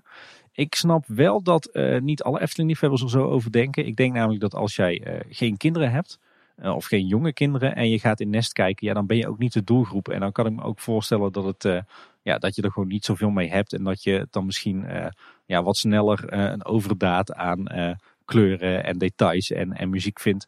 Dan dat je daar als, als jonge ouder staat. Maar ik moet zeggen, ik ben nog steeds heel positief verrast door uh, met name het hoge kwaliteitsniveau. Uh, de vele speelmogelijkheden en ja, echt wel het, het grote aantal details. En de uniciteit. Dus nee, ja, ik, ik ben nog steeds positief. En jij? Ik ben ook positief verrast. Maar dat ligt ook wel een beetje aan mijn gedachten in de aanloop naar de oplevering van het project. Maar ik denk er nog steeds wel over. Maar dat zal ook niet zo vreemd zijn. Want effectief gezien is het twee dagen geleden dat we die conclusie hebben opgenomen. ik ben sindsdien ook niet meer in het park geweest. Dus uh, misschien dat we in de toekomst nog daar andere ideeën bij krijgen. En waar ik ook wel benieuwd naar ben, zag ik volgens mij ook in een vlog langskomen. Is dat natuurlijk in de loop der tijd, in de komende maanden waarschijnlijk al, zeker met de flinke zon erop, dat de, de kleuren nog allemaal wel iets gaan afnemen. Volgens mij was de vlog van Simon en die uh, wist ook te vertellen dat ze het zelfs bewust zo gedaan lijken te hebben. Tenminste, dat vertelden mensen rondom de attractie aan hem. Eh, dus die kleur wat feller hebben aangezet. Als we weten dat het wel gaat afnemen in de komende maanden. Ja, ja, dat zien we op veel, veel meer plekken in de Efteling de laatste tijd. Hè. Kijk bijvoorbeeld ook naar uh, het beeldje Kleine Boodschap. Die is natuurlijk ook wat, uh, wat intenser qua kleuren uh, teruggezet. Maar goed, wat je al zei, dat soort kleuren vervagen heel snel. Dus het is wel begrijpelijk dat ze daar ja, met net iets intensere kleuren beginnen. In de wetenschap dat die in de loop der tijd toch wat meer vervagen. Ik ben trouwens ook wel benieuwd wat het, wat het groen gaat doen. wat tof om te zien dat er toch nog aardig wat nieuwe bomen zijn aangeplant in het, eh, in het speelbos. En ook nog wat onderbeplanting eh, met wat bloemetjes erin. Dat eh, gaat het volgens mij ook wel goed doen. We waren trouwens vergeten in, in onze reportage te benoemen wie de ontwerper is en wat de kosten waren van, van de attractie. Dat doen we normaal gesproken wel. Maar ja, op zich, als je kleine boodschap volgt, dan weet je natuurlijk wel dat de ontwerper Robert Jaap is. En ja, kosten hebben we het minder vaak over gehad, maar de totale kosten van het project zijn 2 miljoen euro. Als we kijken naar het eindresultaat, Tim, en we weten dat er 2 miljoen euro in is gestopt. Kunnen we dat dan zien? Ja, vind ik wel. Ik denk dat veel mensen dit, uh, dit niet zullen begrijpen. Maar uh, ja, als je, als je kijkt naar de, de opbouw van kosten. Kijk, wat, wat er bij de Efteling altijd bij wordt gerekend is, is de overhead. Hè? Dus alle interne uren die worden gemaakt door een ontwerper, door projectleiders, door, door alle mensen die, die er hard aan werken. Hè? Denk aan de vormgevers, de decorateurs. Al die manuren die, die worden hierbij opgeteld, die zitten hierin. Uh, nou ja, die zijn uh, stervensduur. Als je ziet uh, hoe alles helemaal uniek is gemaakt voor de Efteling. Hoe alles is uitontworpen. Maar ook bijvoorbeeld als je ziet hoe ongelooflijk veel dingen ze in eigen huis gemaakt hebben. Denk aan al die dennenmannetjes en al die vlaggetjes en gekke dingen. Dus ik denk dat daar heel veel geld in zit. Het zou me niks verbazen als bijvoorbeeld de sloop van Porco Marina ook in die 2 miljoen zit. En ja, wat je ook niet moet vergeten is dat speeltoestellen stervensduur zijn. Hè? Speeltoestellen moeten tegenwoordig altijd uh, gecertificeerd zijn en dat maakt ze enorm duur. Dus het verbaast mij helemaal niks dat dit, uh, dat dit project 2 miljoen euro uh, gekost heeft. Zeker niet als je ook nog eens bedenkt dat er ook nog een horecapunt in zit en een souvenirkar en een fotopunt. Dus ik moet zeggen voor 2 miljoen, ja, ik, ik begrijp het wel. Ja, ik kan het ook wel verantwoorden, denk ik. En ik, ik vind ook een heel, een heel beperkt bedrag eigenlijk. Ik vind prima investering in financieel lastige tijden. Dat je toch voor 2 miljoen zoiets voor elkaar kunt krijgen. Het is goedkoper dan de zes zwanen. Ja, ook maar net. Maar dat klopt, ja. En dan nog een paar dingen over de kurkentrekker of kurkentrekker. Tim, hoe zit dat nou precies? Ja, ik zie, ik zie kurkentrekker en kurkentrekker uh, continu door elkaar heen gebruikt uh, worden. Zowel uh, bij Speelbos Nest als ook in allerlei publicaties en op social media. Op zich is het allebei goed, hè? want de, de moderne schrijfwijze is met tussen en, kurkentrekker. Uh, maar het, het horecapunt waar het een, een eerbetoon aan is, dat was destijds gewoon de kurkuttrekker zonder tussen N. Dus in die zin, zowel met als zonder N is het wat mij betreft prima. Alleen het is af en toe een beetje verwarrend om te lezen dat het door elkaar heen wordt gebruikt. Nou, laten we even uitgaan van de versie met N. Maar de Efteling had daar dus een blogbericht over geplaatst waar ze dus uitlegden van wat, wat is het nou allemaal. Maar ik vond de titel daarvan vond ik toch wel bijzonder, want ze hadden het daar over een Instagrammable special. Dat ze die vooral wilden ontwikkelen. Ging ze misschien eens om de smaak, maar vooral hoe het eruit zag. Ja, dat is wel uh, hm, ook misschien niet typisch Eftelingse. Ja, weet ik niet. Ik, ik, ik, zie het eerder, eh, ik zie het niet zozeer als een hoofddoel, eerder als een mooie bijkomstigheid dat je signature snack er mooi uitziet. Dus de moeite waard is van het fotograferen. Want dat is toch eigenlijk wat ze met Instagrammable willen zeggen. Ja, zeker. Ik wou aan jou vragen, heb je er al foto's van langs zien komen op Instagram? Maar... Ik heb geen Instagram. nee, precies. ik heb ze wel langs zien komen trouwens, dus het werkt wat dat betreft wel. Ik, ik heb wel ook foto's uh, op Twitter voorbij zien komen van de, de kurkentrekkers. Maar dan is het Twitterable. Photographable. Nou, daar komt het gewoon op neer. Of is het wel interessant dat, uh, dat de drie varianten allemaal een verschillende prijs hebben. Hè? De meloen drakennest uh, kurkentrekker is 4,50. De chocolade zeebonk kurkentrekker is 4,80. En de aardbei witte wieven kurkentrekker is 5,30 euro. Had het allemaal afgemaakt op 5 euro was het ook prima geweest zou ik denken. Ja, precies. Hey, we kregen trouwens nog een uh, berichtje op social media dat er uh, is gewerkt aan de, de vlonder die rond het uh, speelbos loopt. we hadden het er al over dat, dat die best wel avontuurlijk was, zeker voor rolstoelers. omdat er ja, wat planken waren die een beetje boven de andere planken uitstaken, waardoor er wat voorgevaar was. Het schijnt dat, dat er aan is gewerkt en dat, ja, dat die een beetje zijn bijgewerkt, zodat je niet meer erachter blijft haken en valt. En die Super Mario kunstgras groene heuveltjes, die worden blijkbaar de kaatsheuvels genoemd. Tenminste, dat is een beetje de geuzennaam die ze intern hanteren blijkbaar. Dus uh, nou ja, mocht je er nog eh, iets van lol uit willen halen, dan kun je ze ook zo noemen. En dan uh, doe je mee met de in-joke. Kijk, geen kaatsheuvelnaren, maar kaatsheuvels. De katsheuvels. Dat is eigenlijk nog gemiste kans, Tim. Ja, ja, dat, ja, daar heb je gelijk in. Trouwens, we hebben het in onze, in onze bonusaflevering uitgebreid gehad over alles wat we hebben gezien. En alle details en alle dennenmannetjes. Uh, mocht je er nou beeld bij willen hebben en je hebt niet de kans om naar de Efteling te gaan, dan is zeker het bericht op Loopings over al die details een aanrader. Want daar hebben ze volgens mij een stuk of veertig mooie foto's van alle details op een rijtje gezet. We zullen er even naar linken in onze show notes. En het was voor mij wel een geruststelling toen ik al die foto's langsliep, dat we volgens mij wel ook echt daadwerkelijk alles benoemd hebben. Ik zie dat ze op de website nog steeds in postzegelformaat staan. Maar als je op, inzoomt op de pagina, dan staan ze toch stiekem in hoge resolutie op. Dat moet je even uitleggen. Nou ja, ik vind bij loopings altijd dat als er foto's op staan van conceptarts of zo, dan staan die er echt altijd op op zo'n formaat dat je nog steeds geen detail eruit kunt halen, omdat die foto's gewoon net zo breed zijn als een tekstkolom en dat je het niet kunt vergroten.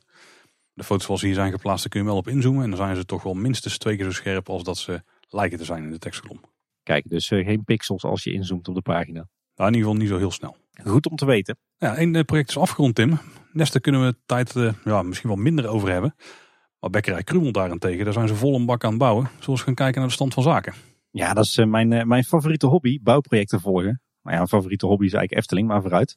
Nee, er is, er is heel wat gebeurd de afgelopen twee weken. er wordt hard gewerkt aan het, het metselwerk, zowel het binnenblad als het buitenblad. Zeg maar de, de binnenkant van het gebouw en de buitenkant. een heel aantal geveldelen die zijn al volledig opgemetseld tot boven toe. Uh, wat uh, mooi is om te zien is dat ze hier uh, bij dit project de leidingen voor onder meer de Elektra, dat ze die meteen moeten meenemen in de spouw voordat ze de muur opmetselen. Want ja, je kan natuurlijk niet naderhand allerlei leidingen inza inzagen en invrezen zoals je dat normaal zou doen. Omdat je hier natuurlijk zowel binnen als buiten de bakstenen blijft zien. Dus dat is, vraagt in ieder geval hele secure werkvoorbereiding. Uh, verder viel me nog op dat uh, het metselwerk inderdaad zo wordt uitgevoerd zoals de, de proefmuur die een tijdje achter de Fata Morgana stond. Dus die was inderdaad uh, bedoeld om indruk te geven hoe het metselwerk van Bekkerij Krumel eruit zou gaan zien. Wat verder opvalt aan het metselwerk is dat het onderste deel van het metselwerk, de borstwering of het trasraam, die is gemetseld in vuilmetselwerk. dus dat betekent dat die waarschijnlijk nog wordt afgewerkt met, met stukwerk. Uh, en tussen uh, dat stukwerk en uh, het schoonmetselwerk wat je blijft zien, daar hebben ze nu al wel betonbandjes aangebracht. Van die mooie bandjes in, met zo'n mooi sierlijstje. en die hebben ze in het metselwerk meegenomen. Wat, wat nog wel opvallend was, is dat een groot aantal kozijnen aan de buitenkant nep zijn. het binnenblad is daar dichtgemetseld en daar zitten ze eigenlijk opgeschroefd. Ze zitten hier wel netjes in het metselwerk, dus je hebt hier niet van die opplakraampjes zoals bij Max en Moritz. Goed, het zijn dus, niet, uh, dus geen echte raampjes. Uh, kan natuurlijk het geval zijn omdat uh, ze het van binnen in de bekkerij donker willen hebben. Ik ben wel benieuwd of dat we hier nog een kistje achter het raam krijgen voor eventueel wat gordijntjes en wat, wat verlichting. zoals de Efteling dat vroeger altijd deed. lijkt het nu niet op. dus met een beetje pech krijgen we hier weer van die stickerfolie op de ramen. Maar dat zou ik toch wel heel jammer vinden. Dus ik, ik hoop dat ze hier gewoon kiezen voor normaal historisch glas. Met, uh, met nog iets erachter. Maar uh, ja, dat is even afwachten. Ik hoop het ook, want dat zal echt zonde zijn. Ja, inderdaad. Uh, hopelijk hebben ze die les wel geleerd van Max en Moritz. verder wordt er ook gemetseld aan de oven. Aan, op een van de kopgevels komt, komt een oven te staan. Die oven die is al opgemetseld en ze zijn nu druk bezig met het metselen van de schoorsteen op die oven. De profielen die staan al gesteld tot op het dak. Volgens mij wordt dit het, het hoogste punt. En opvallend hier is dat het deels uh, schoonmetselwerk en deels vuilmetselwerk is. Dus ik denk dat die, uh, die schoorsteen uh, dat het een mix gaat zijn van, van stukwerk en metselwerk straks. Verder is het zo dat het, het metselwerk niet overal doorloopt tot aan het dak. En ze hebben nu die resterende ruimte hebben ze uitgetimmerd met multiplex. En ik denk dat we daar nog, nog planken tegenaan gaan zien. Nou, verder wordt ook gewerkt aan de serre, zeg maar, de, de zitruimte die tegen het, het grote gebouw aan is geplaatst. Daar was al de houtconstructie geplaatst. Nou, die wordt nu opgevuld, opgevuld met uh, houtskletbouwelementen. Die ze volgens mij gewoon prefab maken. Uh, daar zitten ook al de kozijntjes in. Die zijn ook al netjes uh, staan die in de grondverf. En ze zijn nu folie aan het aanbrengen om het geheel waterdicht te maken. En daar gaan we straks aan de buitenzijde houten planken zien. En ze zijn ook druk bezig met de aanbouw aan de achterzijde. zeg maar het, het dienstenblok, de back of the house. En misschien de toiletgroep. Uh, en die zijn ze nu uh, in kalkzandsteen aan het bouwen, zeg maar van die grote witte blokken. En dat kan natuurlijk omdat uh, ja, dit wordt achter de schermen of het wordt toiletgroep, dan wordt het betegeld. Dus dan hoef je geen metselwerk te zien. En ze zijn nu ook gestart met het, het aanbrengen van het dakbeschot. Zeg maar de houten platen op de gordingen, waar, waar ze straks de, de leidjes op gaan aanbrengen. En wat we inmiddels ook hebben gespot is dat de bouwvakkers daar in speciale bouwhesjes van Bekkerij Krumel rondlopen. Dus ook die zijn weer gethematiseerd. En ik vind dat hoe het eruit komt te zien, iedere keer als ik dat gebouw verder zie groeien, dan uh, ziet het er weer beter uit. Joh. Het is gewoon een super tof bouwproject. En dit wordt volgens mij een prachtig en een heel Eftelings gebouw. In ieder geval wordt het uh, helemaal uit authentieke materialen en met uh, ambachtelijke technieken opgetrokken. En dat is natuurlijk heel prijzenswaardig. En ik zit eigenlijk vooral te wachten nog op één ding. En dat is dat ik wil horen dat er dus een toiletgroep in zit. Want dat weten we nog steeds niet officieel. En ik weet het ook niet 100% zeker als ik naar de leidingen keek die binnenkwamen in het back of the house stukje. Slash toiletgebouw misschien stukje. Als ze er komen, dan kun je ze in ieder geval alleen maar bereiken vanuit de binnenzijde. Want er zitten geen deuren aan eh, de buitenkant van het gebouw om daar naar binnen te gaan. Dus dan niet in het rechter, uh, meest rechter gedeelte daarvan. Ja, dus in dat geval wordt het echt uh, alleen maar toiletten voor uh, Bekkerij Krumel en, en niet voor het, het halve Anderrijk.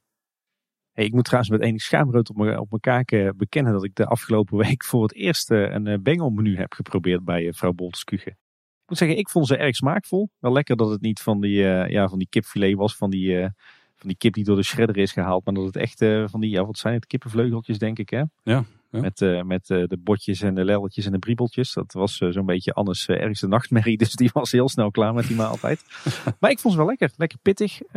lekker flink paneerlaagje eromheen. En ik had zo'n grote emmer. En die heb ik toch helemaal weggewerkt. Dus bijzonder smaakvol moet ik zeggen. Die, zo'n bengelmenu. Ik heb ze eigenlijk pas één keer op. Maar ik was er ook al fan van. Ja, ja, ja ik denk dat Anne toch liever niet herkenbaar als kip in haar mond heeft. Ja, het is inderdaad iets meer echte kip dan, uh, dan dat je misschien zou verwachten. Ik had echt verwacht dat het een soort groot uitgevallen nuggets waren. Van die chicken strips die je nou op veel plekken kunt krijgen. Ja, precies, inderdaad. Nee, maar je moet hier echt uh, kluiven, inderdaad.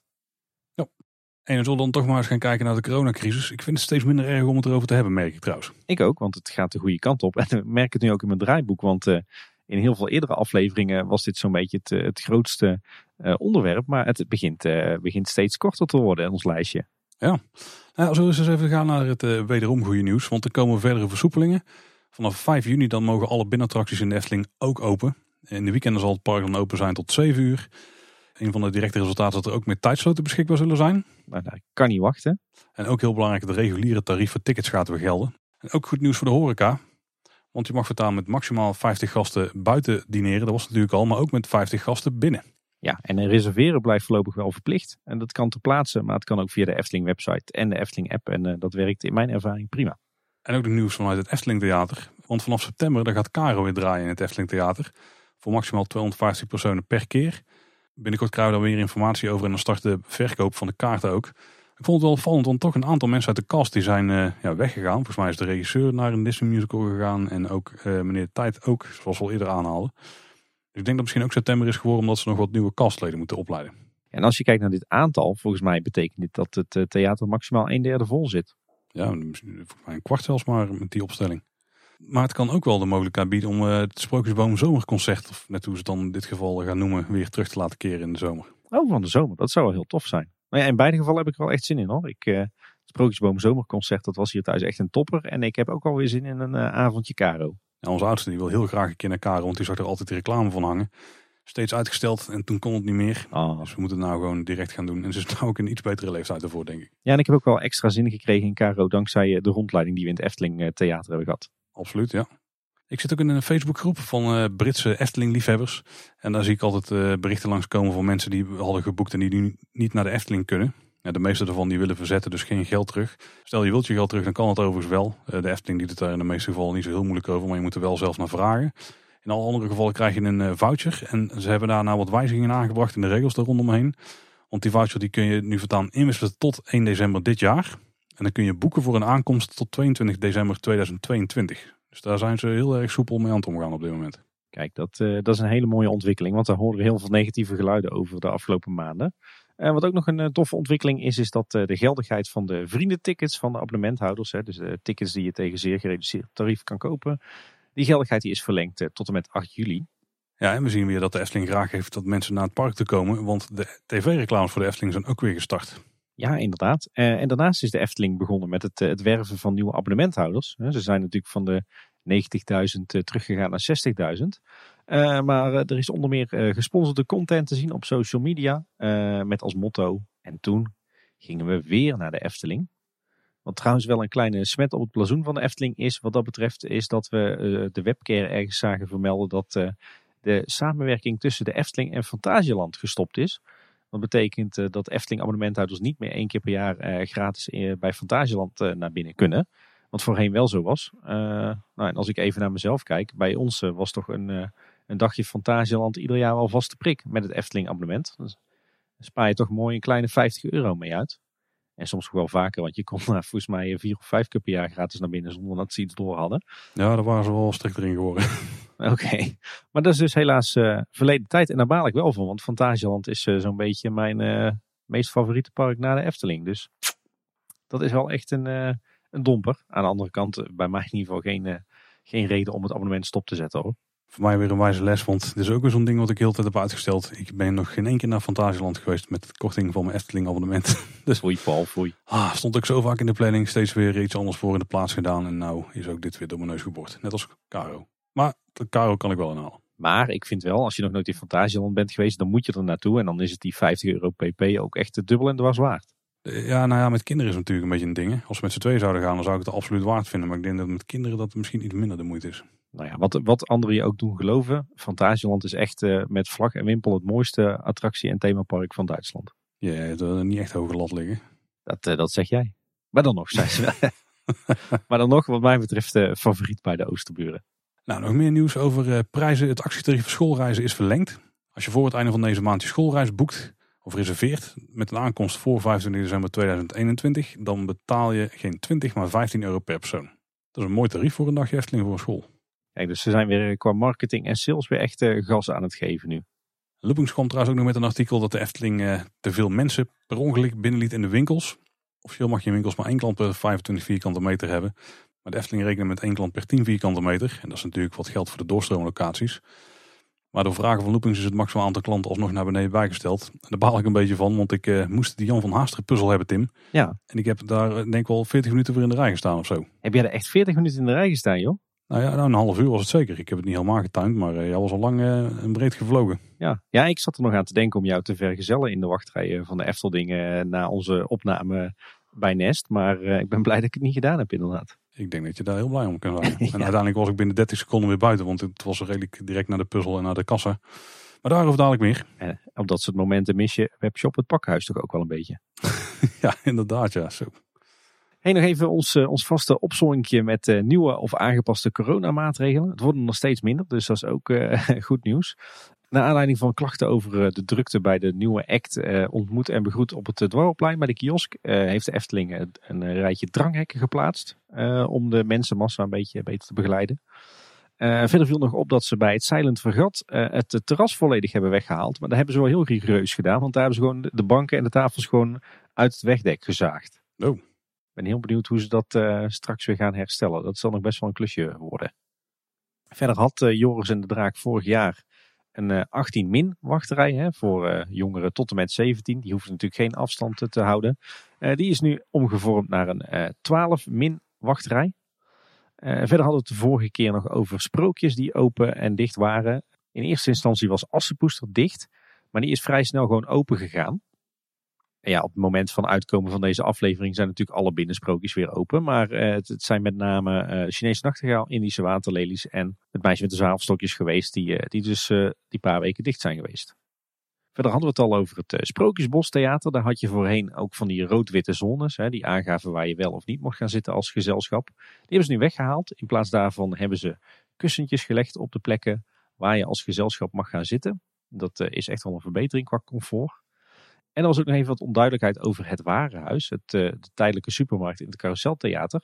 Maar eh, die is eigenlijk vrij snel na heropening van de Efteling ook open gegaan. Eh, buiten zien we nieuwe klapborden staan. met daarop foto's van de producten die je kan krijgen in de supermarkt. Ik denk om een beetje duidelijker aan te geven wat je daar nou te zoeken hebt. En er staat ook onder lekker en snel voor lunch en tussendoor. En binnen is nog maar één reguliere kassa. Maar zijn er drie zelfscankassa's bij geplaatst. Netjes, nog minder contactmomenten. Ja. En ook opvallend als je in een van de verblijfsaccommodaties overnacht. Want de kabouters in het Duitse bosje, die zijn weer terug. Van vijf tot half acht 's avonds. Het zal vast niet iedere dag zijn, maar er zijn al een aantal keer gespot door luisteraars. Ja, inderdaad. Die eh, voeren eigenlijk een, eh, een act op afstand eh, uit. Hè? Ja. Heel tof. Hey Paul, en normaal gesproken stoten we dan nu door naar het, het onderhoudsnieuws. Maar we hebben eerst nog ongedierte nieuws. Zo, ongenieten nieuws. De afdeling Rentokil. Je hebt het erover, maar inderdaad een aantal dingen viel op. Toen wij bijvoorbeeld door het Efteling Hotel liepen, toen eh, stonden daar wat bordjes van let op voor de onschuldige kevers. En ik denk dat ze daar eigenlijk verwezen naar wansen. Want daar hebben wij zelf ook best wel veel last van gehad thuis. Ja, nu niet meer trouwens, het is, seizoen is denk ik voorbij of zo. Want de wansen, er zijn geen bedwansen van die kleine beestjes, maar het zijn vrij grote toren. Denk wel een centimeter of zo eh, aan doorsneden. Die hebben we ook trouwens wel eens tijdens een opname moeten vangen. Volgens mij met Pieter Cornelis onder andere. Die kruipen bij ons ook gewoon het huis in. En blijkbaar het Efteling Hotel ook. Dus daar hadden ze dan bordjes neergeplaatst. Maar volgens mij zijn die ook op meerdere plekken in de Efteling inmiddels terechtgekomen. Ja, inderdaad. Nou noemt de Eftelings op heel veel plekken kevers of meikevers. Eh, zo hebben ze last van, eh van wansen of dus van meikevers bij eh, de tijdelijke toilet op de speelweide. hebben ze zelfs bordjes opgehangen met een verwijzing naar de toiletgroep in het Carouselpaleis. maar we zagen ook foto's voorbij komen van de Vliegende Hollander, waar ze een uh, plaag hadden. Ja, het zijn op zich onschuldige beestjes, alleen met wel één nare bijkomstigheid. Namelijk dat als ze zich bedreigd voelen, dan laten ze een geurstofje lopen. En die is redelijk, die stinkt redelijk. Ja, en die is ook vrij eh, donkerrood van kleur. Net dat er een bloedvlek of zo ontstaat. Daar word je ook niet heel vrolijk van. Nee, van de week stond ik op het schoolplein en zo, toen viel zo'n ding in mijn kraag. En ik sloeg daar weg. En ik heb de rest van de dag heb ik daar, daar gore spul geproefd in mijn snor. ja, het is inderdaad helemaal niks, nee. Nee je kunt soms haar in Nestling in ieder geval. Ja, dat heb je in een natuurpark, hè? En een, een, een serieus probleem, uh, wat niet zo zichtbaar is, maar wat wel, waar ik wel de luisteraars even voor wil waarschuwen, is dat er dit voorjaar ook veel teken in de Efteling zitten. dat zijn die kleine zwarte beestjes die een beetje op mini-spinnen lijken. maar ze zijn wat minder onschuldig dan je denkt. Want als die beestjes vast blijven zitten op je lijf en ze gaan gezellig aan de slag, dan kan je er met een beetje pech ook de ziekte van Lyme van oplopen. Onze kinderen hebben ze ook al eh, opgelopen in de Efteling. Dus eh, ben je in de Efteling geweest, eh, check jezelf en check je kinderen even op teken. En nou ja, vind je ze, verwijder ze dan. daar kan je op het internet het nodige aan informatie van vinden. Maar dus wel even een waarschuwing. In de Efteling vind je op dit moment ook ja, aardig wat teken. Hey, wat ik nog niet heb gezien trouwens, zijn de eigen processierups. Want heb ik wel de gemeentes al vrij fanatiek zien pre-bestrijden, denk ik. Ja, dat is redelijk discutabel, die bestrijding. maar uh, ja, de Efteling heeft het de afgelopen jaren, eh, zeker de afgelopen jaar, natuurlijk heel erg goed onder controle. Samen met, uh, met de firma uit Waalwijk. Die zit er nog bovenop. Maar volgens mij is het nog te vroeg hoor. Dankzij het, het hele koude, natte voorjaar zijn ze nog niet tot wasdom gekomen. Maar ik geloof dat in de loop van juni dat we er weer last van zouden moeten gaan krijgen. Nou, feest. Nou, let er in ieder geval een daggeval ook op, want de, dat brandgevoel is gewoon heel vervelend. Eigenlijk komt erop neer dat je gewoon in mei, juni, juli gewoon beter niet buiten kan komen. Dat heb ik wel eens vaker geroepen, denk ik. Ja. of je, met, uh, je moet na afloop met honderdduizend dingen rekening houden, ja. Weet je trouwens, Tim, dat er in uh, de Efteling meer dan één nest is geopend de afgelopen week? Oh, vertel. Ja, er is ook een nest gespot in het opstapstation van de Baron. Ik zag het ja, bij dat, uh, dat ronde raampje bovenin. Daar is volgens mij een duif begonnen met het bouwen van een nestje. Dat is een mooie plek om te nestelen, ja. Ja, volgens mij is het tegenwoordig zo met de flora- en fauna beschermingswetten dat je ook niet zomaar een nest weg mag halen. Oh, dus uh, mochten we nou echt niks vinden in de nieuwe speelbos, dan mag dat gewoon niet weg. Nee. Oké. Volgens mij was er vanochtend trouwens ook een automobilist die dacht dat, uh, dat eekhoorns uh, ongedierte waren. Want ah, ik zag een eekhoorntje van Bosrijk doodgereden op de weg liggen bij de Bernsehoef. Van Bosrijk? Ja. Wist je dat hij daar vandaan kwam? Nou ja, de Bernsehoef ligt langs Bosrijk hè. misschien, nou, misschien woont die antikraak nog in de pand daar. Tim, als wij weer rondjes het park kunnen lopen, dan is er natuurlijk één ding waar jij, uh, nou niet continu, maar wel regelmatig mee bezig bent. En dat is het maken van aantekeningen om dit volgende fantastische blokje te vullen. Het onderhoud, Tim. Wat heb je allemaal gespot in het park? ik moet zeggen, dat gaat redelijk op de automatische piloot hoor. Ik hoef daar niet echt, uh, echt heel erg uh, hard mijn best voor te doen en heel erg aandachtig rond te kijken. Dat, dat gaat een beetje tussen al het andere door. maar er is inderdaad weer heel wat te melden. Ook natuurlijk met dank aan onze luisteraars die wat, wat tips hebben gegeven. Maar we gaan weer proberen er een compleet lijstje van te maken. En ja, het waren weer zoveel punten dat we het maar weer per rijk gaan doen. En dan beginnen we in het Fantasierijk bij Aquanura. Uh, bleek dat daar uh, weer flinke graafwerkzaamheden hebben plaatsgevonden. Uh, zeg maar in de hoek tussen de achterzijde van het, het Efteling Theater en de Fata Morgana. Wat ik uit foto's kon herleiden, misschien wat aanpassingen van het klaterwatersysteem. en een deel van het, het plantsoen daar is ook weer netjes gefatsoeneerd en opnieuw aangeplant. Viel wel luisteraars op dat het nog wat kaal is in de hoek bij de, de gastanks. Daar moeten ze misschien nog wat meer beplanting neerzetten. En ik kreeg ook nog een foto toegestuurd dat er ook een flink gat gegraven zou zijn in de hoek bij het, theater. Zeg maar bij de, de van het theater of bij de voorgevel. Ja, waar dat gat dan verdient is niet duidelijk. Uh, misschien ook voor het klaterwatersysteem. Maar misschien hebben daar wel boringen plaatsgevonden voor het, het nieuwe WKO-systeem. Waarom de koude opslag. dat ze willen gaan combineren met de Aquanura vijver. dat was nog niet helemaal helder. Maar dat was in ieder geval een flink diep gat waar ook water in staat. Dus ze zijn lekker aan het graven rond de Aquanura. Dan gaan we door naar het, eh, het andere rijk. Ik weet niet of jij nog kan herinneren dat voor de ombouw van de steenboek naar Vrouw Bolteskuge dat een aantal van die hele mooie oude eiken zijn gesneuveld uh, langs de laan zeg maar, van de Producepromenade naar de steenbok. Ja. Er zijn, uh, op plekken hebben ze daar het pad ook verbreed, met name voor, voor bankjes. Maar het viel me nu ineens op dat ze daar ook een best wel een aardig aantal nieuwe bomen geplant hebben. En ook nieuwe plantsoentjes gemaakt hebben. Dus ja, daar is best wel aardig wat groen voor teruggekomen tot mijn, tot mijn vreugde. Verder ben ik met Anke en de dochters ook weer heel veel in de Piranha geweest ondertussen. Viel me op dat niet alleen die lange rotswand is verwijderd, zeg maar na de, na de Rode Zee, na dat golfslagbad waar je meestal een tijdje in, in stil ligt. En je linkerzijde is dan ja, best wel een flink stuk rots verwijderd. Maar waarschijnlijk is er ook onderhoud geweest rond die, die dubbele waterval waar je tussendoor vaart. Het beton van die watervallen is daar netjes geschilderd. Maar de rotspartijen die ervoor en daarna zaten, die zijn verwijderd. Ehm, die zijn nu wel op zich ook weer aardig gefatsoeneerd. Netjes aangeheeld, keitjes erop gemetseld, op kleur geschilderd en exotische aanplant eromheen. Maar daar is dus ook rotswerk verdwenen. En ik zag nog een foto voorbij komen dat er een, een plafondetje gehangen is in het, het tunneltje in de wachtrij. Zeg maar, dat is dat, dat huisje waar je doorheen loopt als je uit de wachtrij richting het opstapstation gaat. Uh, toen ik er van de week voor het laatst was, toen was dat nog niet zo. Nu zag ik, uh, zag ik wat foto's en het zou zomaar eens kunnen dat daar een, uh, een plafonnetje is opgehangen voor de akoestiek. Want daar galmde het altijd enorm. Hm. Verder nog opvallend was is dat er geen muziek is in de wachtrij van Max en Moritz.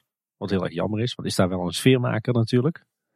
En er werd van de week hard gewerkt aan de put die je voor het spookslot ziet. die werd geschilderd de, de houten planken zeg maar bovenop de put. En eh, hopelijk is dat een eerste teken dat het, uh, het bouwkundig uh, onderhoud aan het spookslot, wat is stilgelegd bij aanvang van de coronacrisis, dat dat weer wordt opgepakt. Want daar, daar liggen nog wel wat restpunten waar ze nog wat mee moeten. Oh, dat zou mooi zijn. Dan door naar het Ruigrijk. daar zeiden we de vorige keer dat er bij Bron 1898 geen muziek klonk buiten en ook geen witte wieven. maar wat blijkt, er is wel nog gezang van de witte wieven rond de put. Maar de, ja, zeg maar de, de achtergrondmuziek, dus het, het wijsje van Baron 1898, uh, die ontbreekt. Dus daar is het ook uh, stiller dan normaal. Wat zou daar de reden van zijn? Ik heb geen Ik zat eerst te denken, misschien heeft het met Nest te maken. Alleen ja, dan zou je de Vliegende Hollander pleinmuziek veel beter moeten horen nog. Nee, ik weet niet. Misschien een technische storing. Of misschien dat ergens een schakelaartje omstaat. Of tijdens die vijf maanden sluiting iets fout is gegaan met, met de modules die die muziek afspelen. Ik, ik durf niet te zeggen. In ieder geval zowel bij Max en Moritz als bij Bar eh, Baron 1898 uh, eh, geen achtergrondmuziek dus. Hm. Verder viel mij nog op dat uh, het bruggetje wat in het pad zit, zeg maar vanaf de Piranha langs Baron 1898 richting de Meermin. Dat ze daar aan het stukwerk gewerkt hebben. Dat, dat brokkelde af, maar dat hebben ze nu weer hersteld. Moet nog wel worden geschilderd en ingeschaduwd. Uh, maar verderop uh, aan het uh, gebouw van Bron 1898, onder andere bij het, het melkhuisje, daar is heel veel stukwerk nog steeds beschadigd. Dus hopelijk gaan ze ook daar nog wat herstelwerk uitvoeren. Met name die, die gestukte banden, waar mensen toch vaak tegenaan staan of op gaan zitten, die, die hebben veel te lijden. Die zijn waarschijnlijk vrij zwak. Verder viel nog op dat uh, bij de Vliegende Hollander op het plein dat uh, heel veel houten bankjes weg zijn. Of nou ja, dat zijn die, uh, die twee gemetselde poeren waar dan zo'n gebeitste houten plank op ligt. Nou, die houten planken zijn weg. Dus ik kan me voorstellen dat die opnieuw geschilderd en, en afgelakt worden. verder dacht ik gezien te hebben dat bij de halve maan bij de havenhuisjes op de achtergrond dat er nieuwe regenpijpen zijn aangebracht van zink. En er stonden nog aardig wat oude tuffers bij de oude tufferbaan in storing in de werkplaats. En uh, wat trouwens wel grappig is, is dat uh, uh, toen ik in het park was met een grote groep vrienden, dat een aantal van hen in de Vliegende Hollander zat. en dat, dat zij in een hele hardnekkige storing terechtkwamen. Met als resultaat dat ze uiteindelijk geëvacueerd moesten worden uit de attractie. En zij stonden stil in de, de scène open zee. dus ze konden precies vertellen hoe dat, die evacuatieprocedure nou werkt. Uh, want ja, de, verlichting gaat natuurlijk aan. Maar het leuke is, als je de storing hebt, dan komt er meteen uh, een medewerker bij je bootje staan om je rustig te houden en te instrueren. En als er dan geëvacueerd moet worden, dan uh, gaat de sluisdeur bij de, zeg maar de invaaropening dicht. Buiten, zeg maar tussen de vijver en, en die, die tunnel waar je dan invaart. En dan pompen ze een, een laagje van 10 tot 20 centimeter water uit de attractie. Eh, waardoor je uit je bootje kan stappen op het beton. Er staat nog wel water in de vaargul dan, maar links en rechts van het bootje kan je gewoon lopen. En eh, zo hebben zij het, eh, het gebouw verlaten. En uiteindelijk kwam de bedrijfshulpverlening die kwam er nog aan te passen om, om mensen van de lift te ontruimen. Dus wij stonden op dat moment op het, het Ruigrijkplein. En toen kwam vanuit de buitenkant van het park ineens de bussen van de BHV het, het park in onder begeleiding van de beveiliging. Dus dat is toch altijd een bijzonder gezicht. Maar dat was dus om de liftdeel te evacueren. Hebben we het ruigrijk gehad, denk ik, hè? Dan eh, gaan we nog naar het Reizenrijk.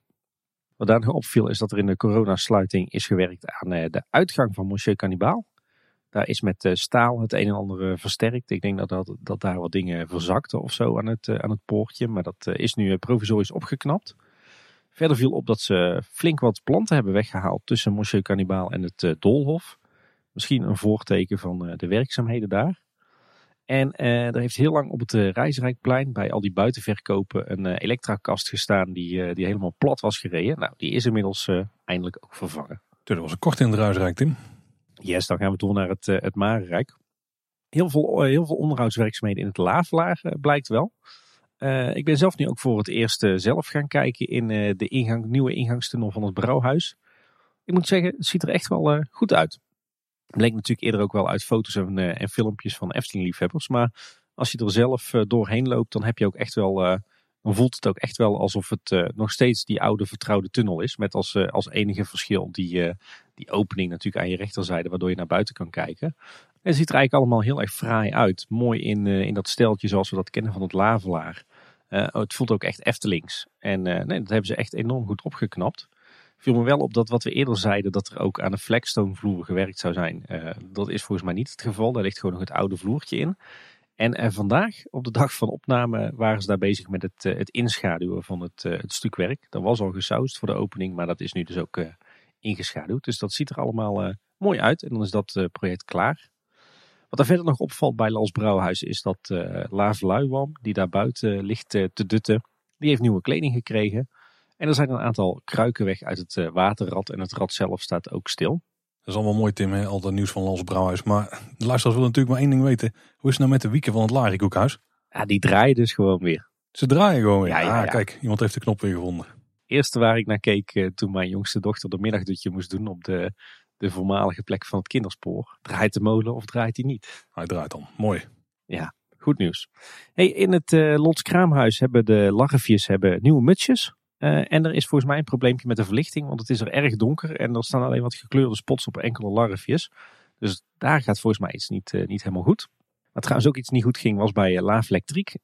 je weet misschien wel, die heeft een lamp vast. En zodra die lamp wordt aangezet door een bezoeker, dan wordt hij geëlektrocuteerd en dan schiet zijn muts omhoog.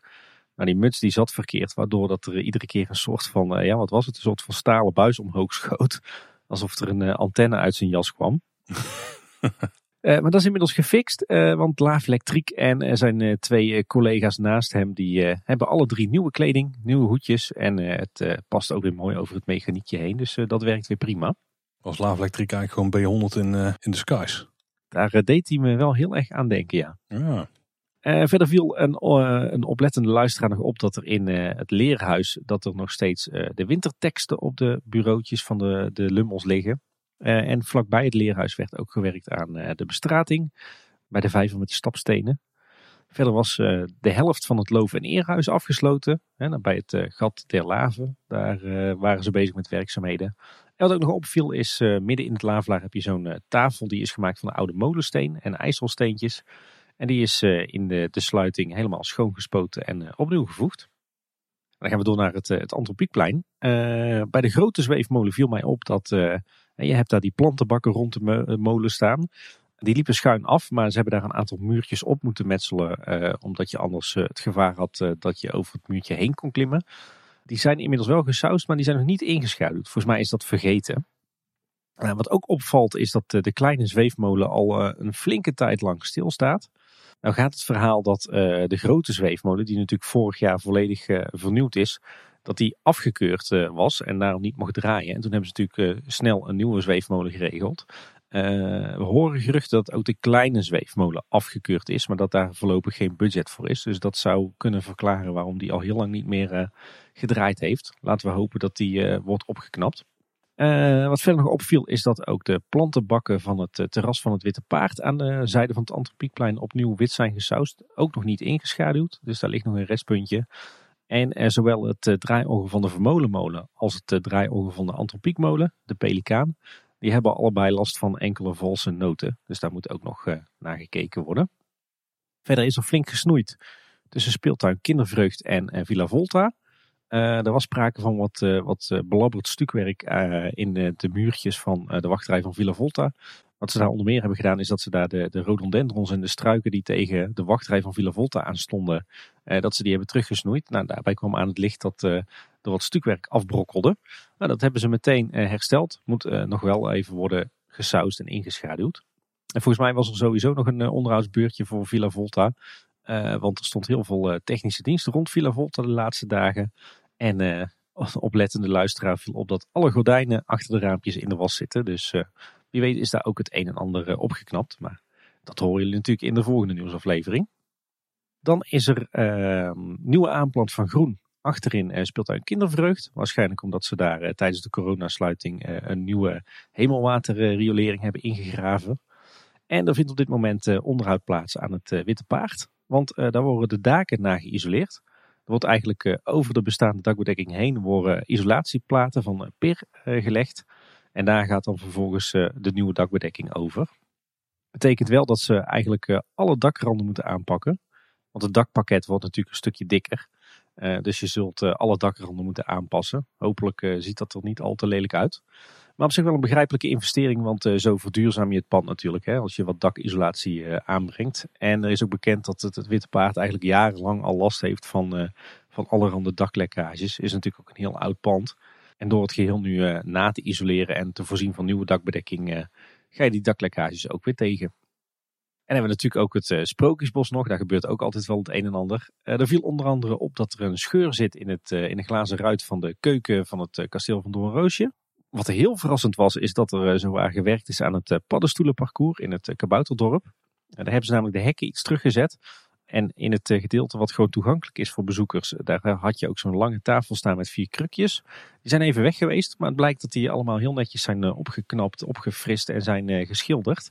En dat hele hoekje is ook schoongemaakt. Dus uh, ja, daar kunnen de kindjes gewoon weer spelen. Dus uh, ja, toch een beetje hoopgevend voor de toekomst van het paddenstoelenparcours. Ja.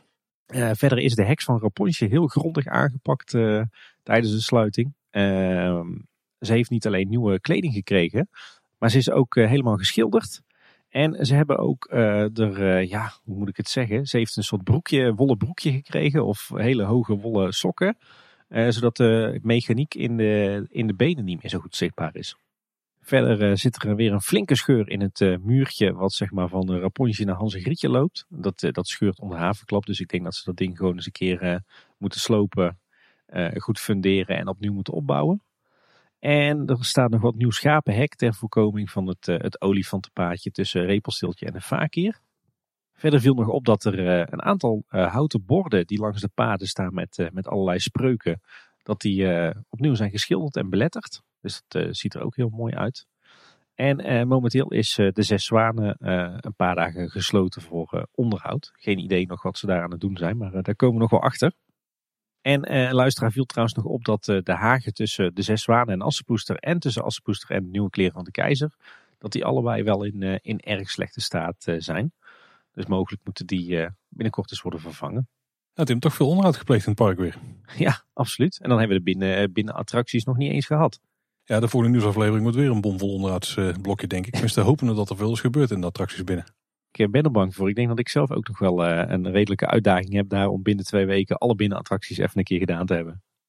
Me trouwens ook nog op dat, dat en dan zitten we buiten de parkgrenzen, dat ze nu bezig waren met het, het controleren en snoeien van de bomen rond het Efteling Hotel en langs de, de Oude Horst, zeg maar, richting het dienstencentrum. Zou zomaar kunnen dat, uh, dat die weg uh, ook eigendom van de Efteling is geworden. Nou, dat is goed dat je dat zegt inderdaad, Tim, want dat klopt. Eigenlijk het gedeelte wat gelijk loopt aan het perceel van het Efteling Hotel, dus niet de verlegde horst, zeg maar, maar de oude stuk horst, de hoogte van het Efteling Hotel tot en met het zuiden, dat is helemaal van de Efteling. En ik zie zelfs dat daar ook de maximale bouwhoogte 35 meter is.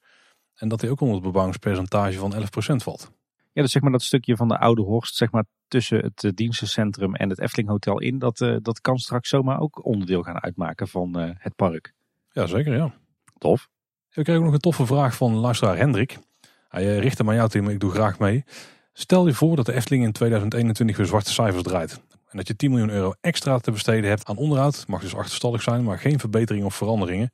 Welke onderhoudsklussen zou jij dan aanpakken? Oh, dat is mooi hè. Jammer dat dat niet echt het, eh, het geval is. Dat we niet echt eh, zelf 10 miljoen euro mogen uitdelen aan de achterstalling. Ik weet niet of ze er heel goed aan doen. Ja, dat is een goede vraag. Ja, ik zou denk ik eh, sowieso in de Fata Morgana aan de slag gaan met het, het aanpakken van een aantal effecten die het al heel lang niet meer doen. Hè. Denk aan de beweging van Jin, denk aan de kantelkamer, denk aan de projectie in de jungle. Maar ook bijvoorbeeld de palm die nou laatst is omvergereden. Ja, en wat ik met name eens goed zou willen aanpakken is de mist. Eh, we weten inmiddels dat er eh, waarschijnlijk problemen met kalk en met legionella de oorzaak zijn dat, eh, dat de mistmachines het, het vrijwel nergens meer doen. Dan heb ik zitten denken, ik zou bij Fata maar ook bij Droomvlucht zou ik een, een speciaal watercircuit aanleggen. Wat je eerst door een ontkalker jaagt. En daarna door ja, wat ze dan ultrafiltratie noemen. Dat zijn zeg maar hele, zijn zeg maar hele sterke filters waarmee je iedere bacterie en ieder deeltje uit het water haalt. Dan krijg je dood water. En als je daar nou een circuitje van uh, aanlegt, dan kun je dat dode water volgens mij heel goed gebruiken om overal mist te produceren. Dus uh, dat zou ik doen. Ik zou uh, bijvoorbeeld ook het bouwkundig onderhoud van het spookslot verder weer oppakken en, en afronden. Ja, natuurlijk rotsen te, terugbouwen bij de Piranha. Ik weet niet of het onder onderhoud valt, maar ik zou tussen Max en Moritz en het spookslot en, en, en de Fabula zou ik flink wat bos gaan aanplanten. Wat zou ik verder nog doen? Uh, Draak Etna, die moet natuurlijk weer gaan bewegen hè, bij Joris en de Draak. Uh, ik zou het uh, Dolhof helemaal opnieuw opknappen en opnieuw aanplanten in plaats van weghalen. Ja, en het Marenrijk, volgens mij een klus die heel hard nodig is, is het, het volledig herstellen, restaureren van de gevel van het Carouselpaleis. Dat is volgens mij ook wel een aardige miljoenenklus. En volgens mij is er in het Marenrijk wel meer houtwerk wat een keer geschilderd moet worden. Nou ja, we hadden het er net over. De kleine zweefmolen zou ik restaureren of renoveren. Nou, de hoofdshow van Villa Volta die kan wel wat uh, tender love en care gebruiken. Hè, en een beetje opfrissen, opknappen en uh, goede programmering erin. Uh, in Droomvlucht zou ik de mist aanpakken met zo'nzelfde doodwatersysteem als in de Vata. Ja, en het Sprookjesbos heeft natuurlijk een flinke onderhoudsklus nodig. Hè. Denk aan het paddenstoelenparcours, denk aan het, het huisje van vrouw Holle. Maar volgens mij moet er ook wel wat gebeuren aan het, het kasteeltje van Doornroosje. De Zeemermin mag wel een, een schilderbeurtje. De, de monstervis bij Pinocchio mag wel een schilderbeurtje. Nou, volgens mij moet bij de Zeven Geitjes het... Uh, het, ik kan het huisje wel een opknapbeurtje gebruiken. Dus misschien dat ik in het Sprookjesbos gewoon in een treintje sprookje voor sprookje zou afwerken. Ik weet niet of dat ze aan 10 miljoen genoeg hebben met al jouw plannen. nee, nou misschien ieder, ieder jaar 10 miljoen extra. En jij Paul, heb jij nog uh, dingen die, die ik over het hoofd heb gezien? Nou, de mistenzaken, daar ben ik sowieso ben ik het daar volle bak mee eens. Draak Etna uiteraard ook en de hoofdshow van Villa Volta ook. Ik denk dat ze ook wel zou mogen kijken naar het groenplan rondom Python. Ik heb het idee dat dat wel uh, flink op groen heeft ingeboet na de, ja, de, de herbouw, zeg maar. Oh ja. Met de nieuwe baan. Uh, dus daar uh, zou ze ook wel meer in oude staat mogen herstellen, wat mij betreft. Nou, sowieso, het, het verder vergroenen van de Efteling is wat mij betreft ook wel een, een goede bestemming van extra geld. Ja, sowieso. Ja, en het parkeerterrein kan natuurlijk ook wel een flinke opknapbeurt gebruiken. Maar goed, dat is misschien iets wat je eerder wilt meenemen in eh, de plannen richting eh, Wereld van de Efteling 2030. Ja, misschien moeten we ook nog eens goed kijken in het Sprookjesbos naar de Indische waterlelies. Want volgens mij waren er ook nog wel wat dingen met die flexstone vloer en zo die niet helemaal lekker... Ja, ja, ja ja. De toren terug. Als die mooi een beetje te verhullen is vanaf de andere kant, prima. Ik denk dat het maar goed is dat wij niet bij de afdeling planning en beheer werken want, van de Efteling. Want dan zou het bedrijf denk ik al lang failliet zijn. Ik denk dat er voor vrijwel iedere afdeling geld bij ons neer zou zetten. ja, maar goed. Dromen mag hè. De beste, stuurluis staan aan wal. Hey, zullen we doorgaan naar het kort nieuws. de Efteling is bezig met een nieuwe versie van de Efteling app. Voorlopig alleen in iOS. Daar is ook een beta versie van beschikbaar. Die heb ik uh, geïnstalleerd.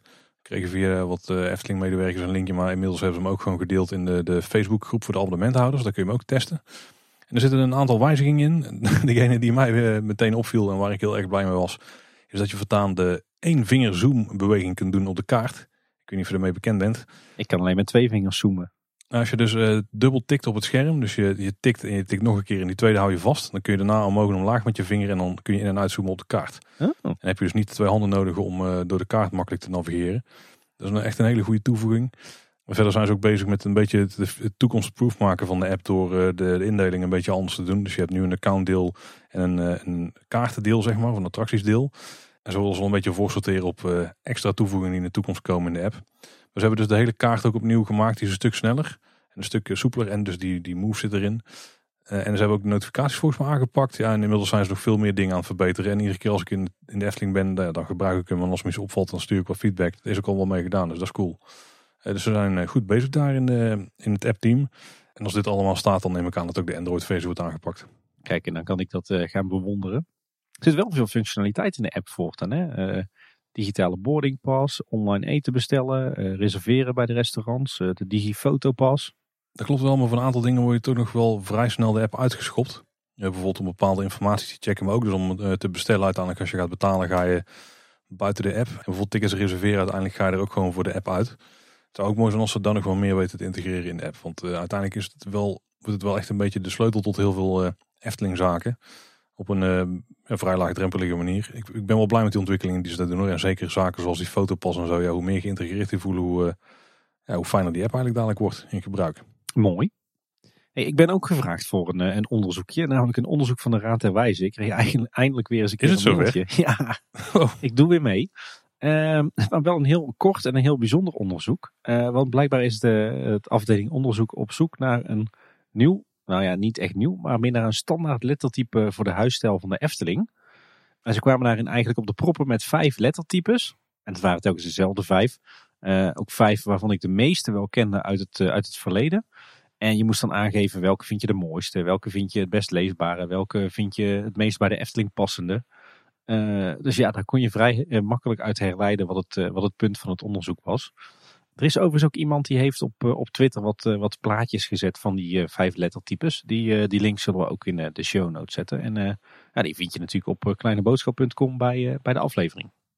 Ja, en dan Paul, een, een blokje voor jou. Ja, want er is merchandise nieuws. En in dit geval een merchandise die mij aardig aanspreekt. Sterker nog, ik heb denk ik mijn eerste merchandise artikel gekocht in de afgelopen jaren. Nou, het sprookjesboek dan ook nog. Vanaf 1 juni liggen namelijk nieuwe spellen in Efteling die ze samen met de Koninklijke Jumbo ontwikkelden. Die kun je op dit moment dus alleen maar kopen in de Efteling winkels, want ja, pakhuis is natuurlijk dicht. Het gaat onder andere om de sprookjespuzzel van Jan van Haasteren, een mens erger niets van Sprookjesboom, het Piranha Wild Waterspel, een soort ganzenbord.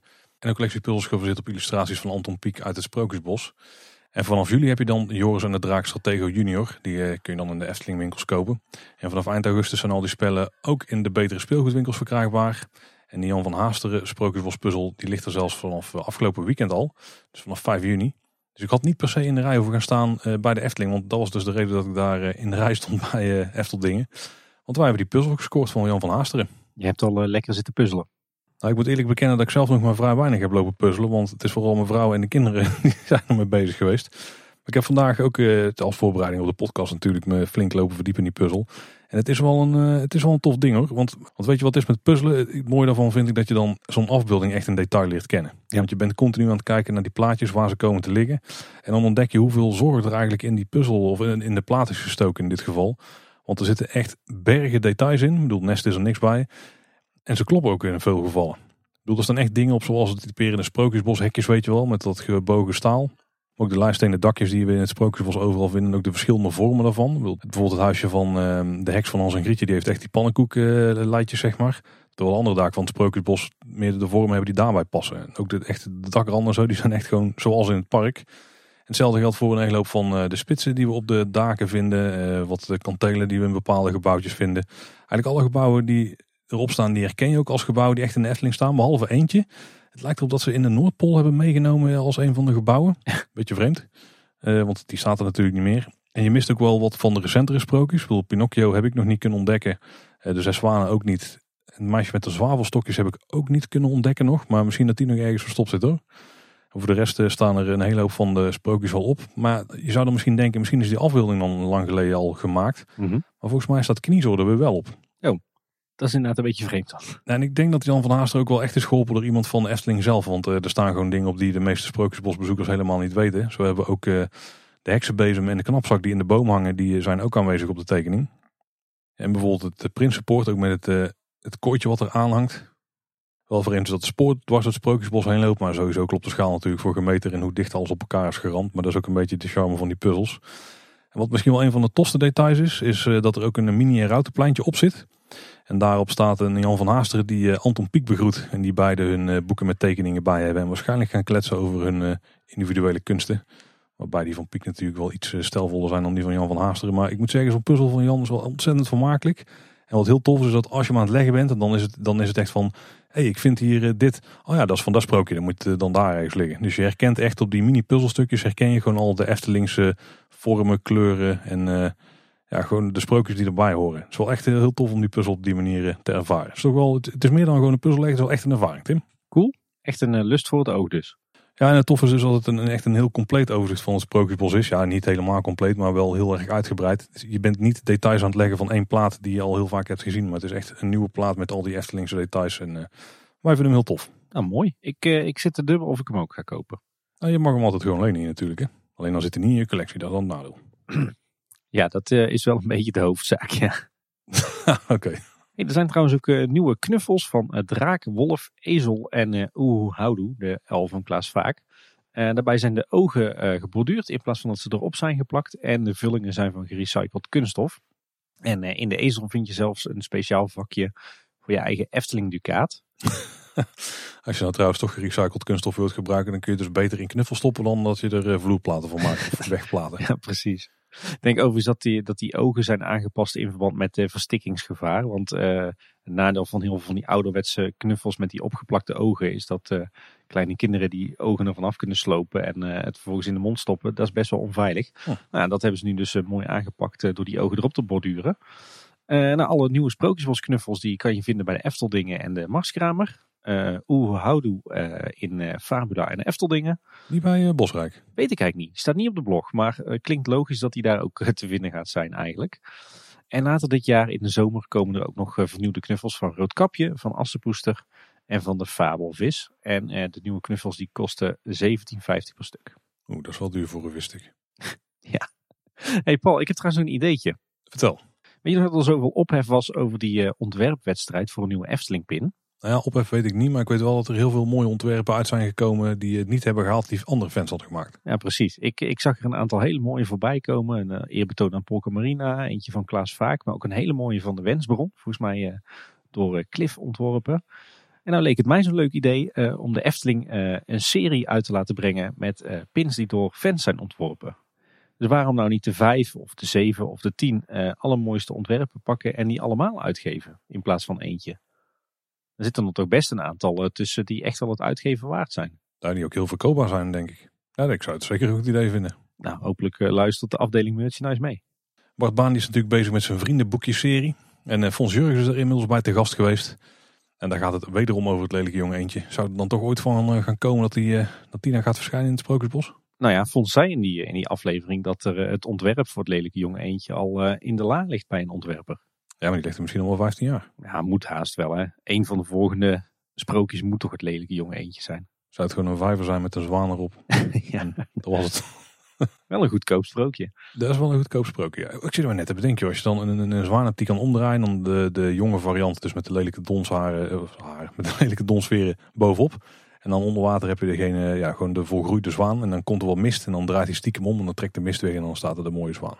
Nou, dan haal je Kost een paar duizend euro een bender. hey, Paul, jij, uh, jij bent gewoon een hedendaagse Peter Reinders eigenlijk. Wel een stoommachine nodig, dat is dan wel een risicootje natuurlijk. Nou ja, we hebben net een, een, een, eh, een systeem bedacht hoe we oh, het gaan oplossen. nou, dan die paar duizend euro gaat niet meer redden, wordt een paar miljoen, maar het komt er goed.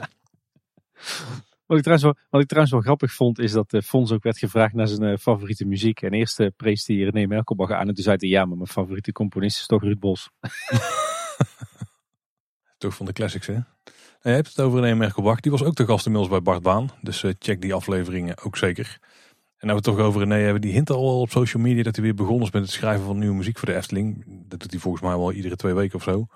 Maar dit voelde toch wel als iets groots. Misschien is het wel voor Krumel of misschien wel voor, ja, wat zal het zijn? Ik dacht ook Krumel of misschien het nieuwe Monsieur Cannibal. Oeh, dat zou ook nog zomaar eens kunnen. Oh, volgens mij zit Als dat, stel, stel, er komt een making-of van, dan zit daar vaker wel muziek van René onder. Dus die, dat gebeurt vrij vroeg in het proces tegenwoordig. Ja, inderdaad. Die wordt vrij eh, vroeg in het ontwerpproces aangehaakt, ja. Volgens mij is, is Luc de Portier de volgende die te gast is bij uh, Bart Baan. Ja, en die wordt opgenomen in het Efteling Theater, terwijl die gesloten is. Dus ook daar krijg je dan weer een kijkje van wat wij toen hebben gezien. En waar heel veel mensen toch beelden van hadden willen krijgen. hey, bin there, done that, zeg je dan toch? Met uh, iets beter Engels inderdaad. Ja.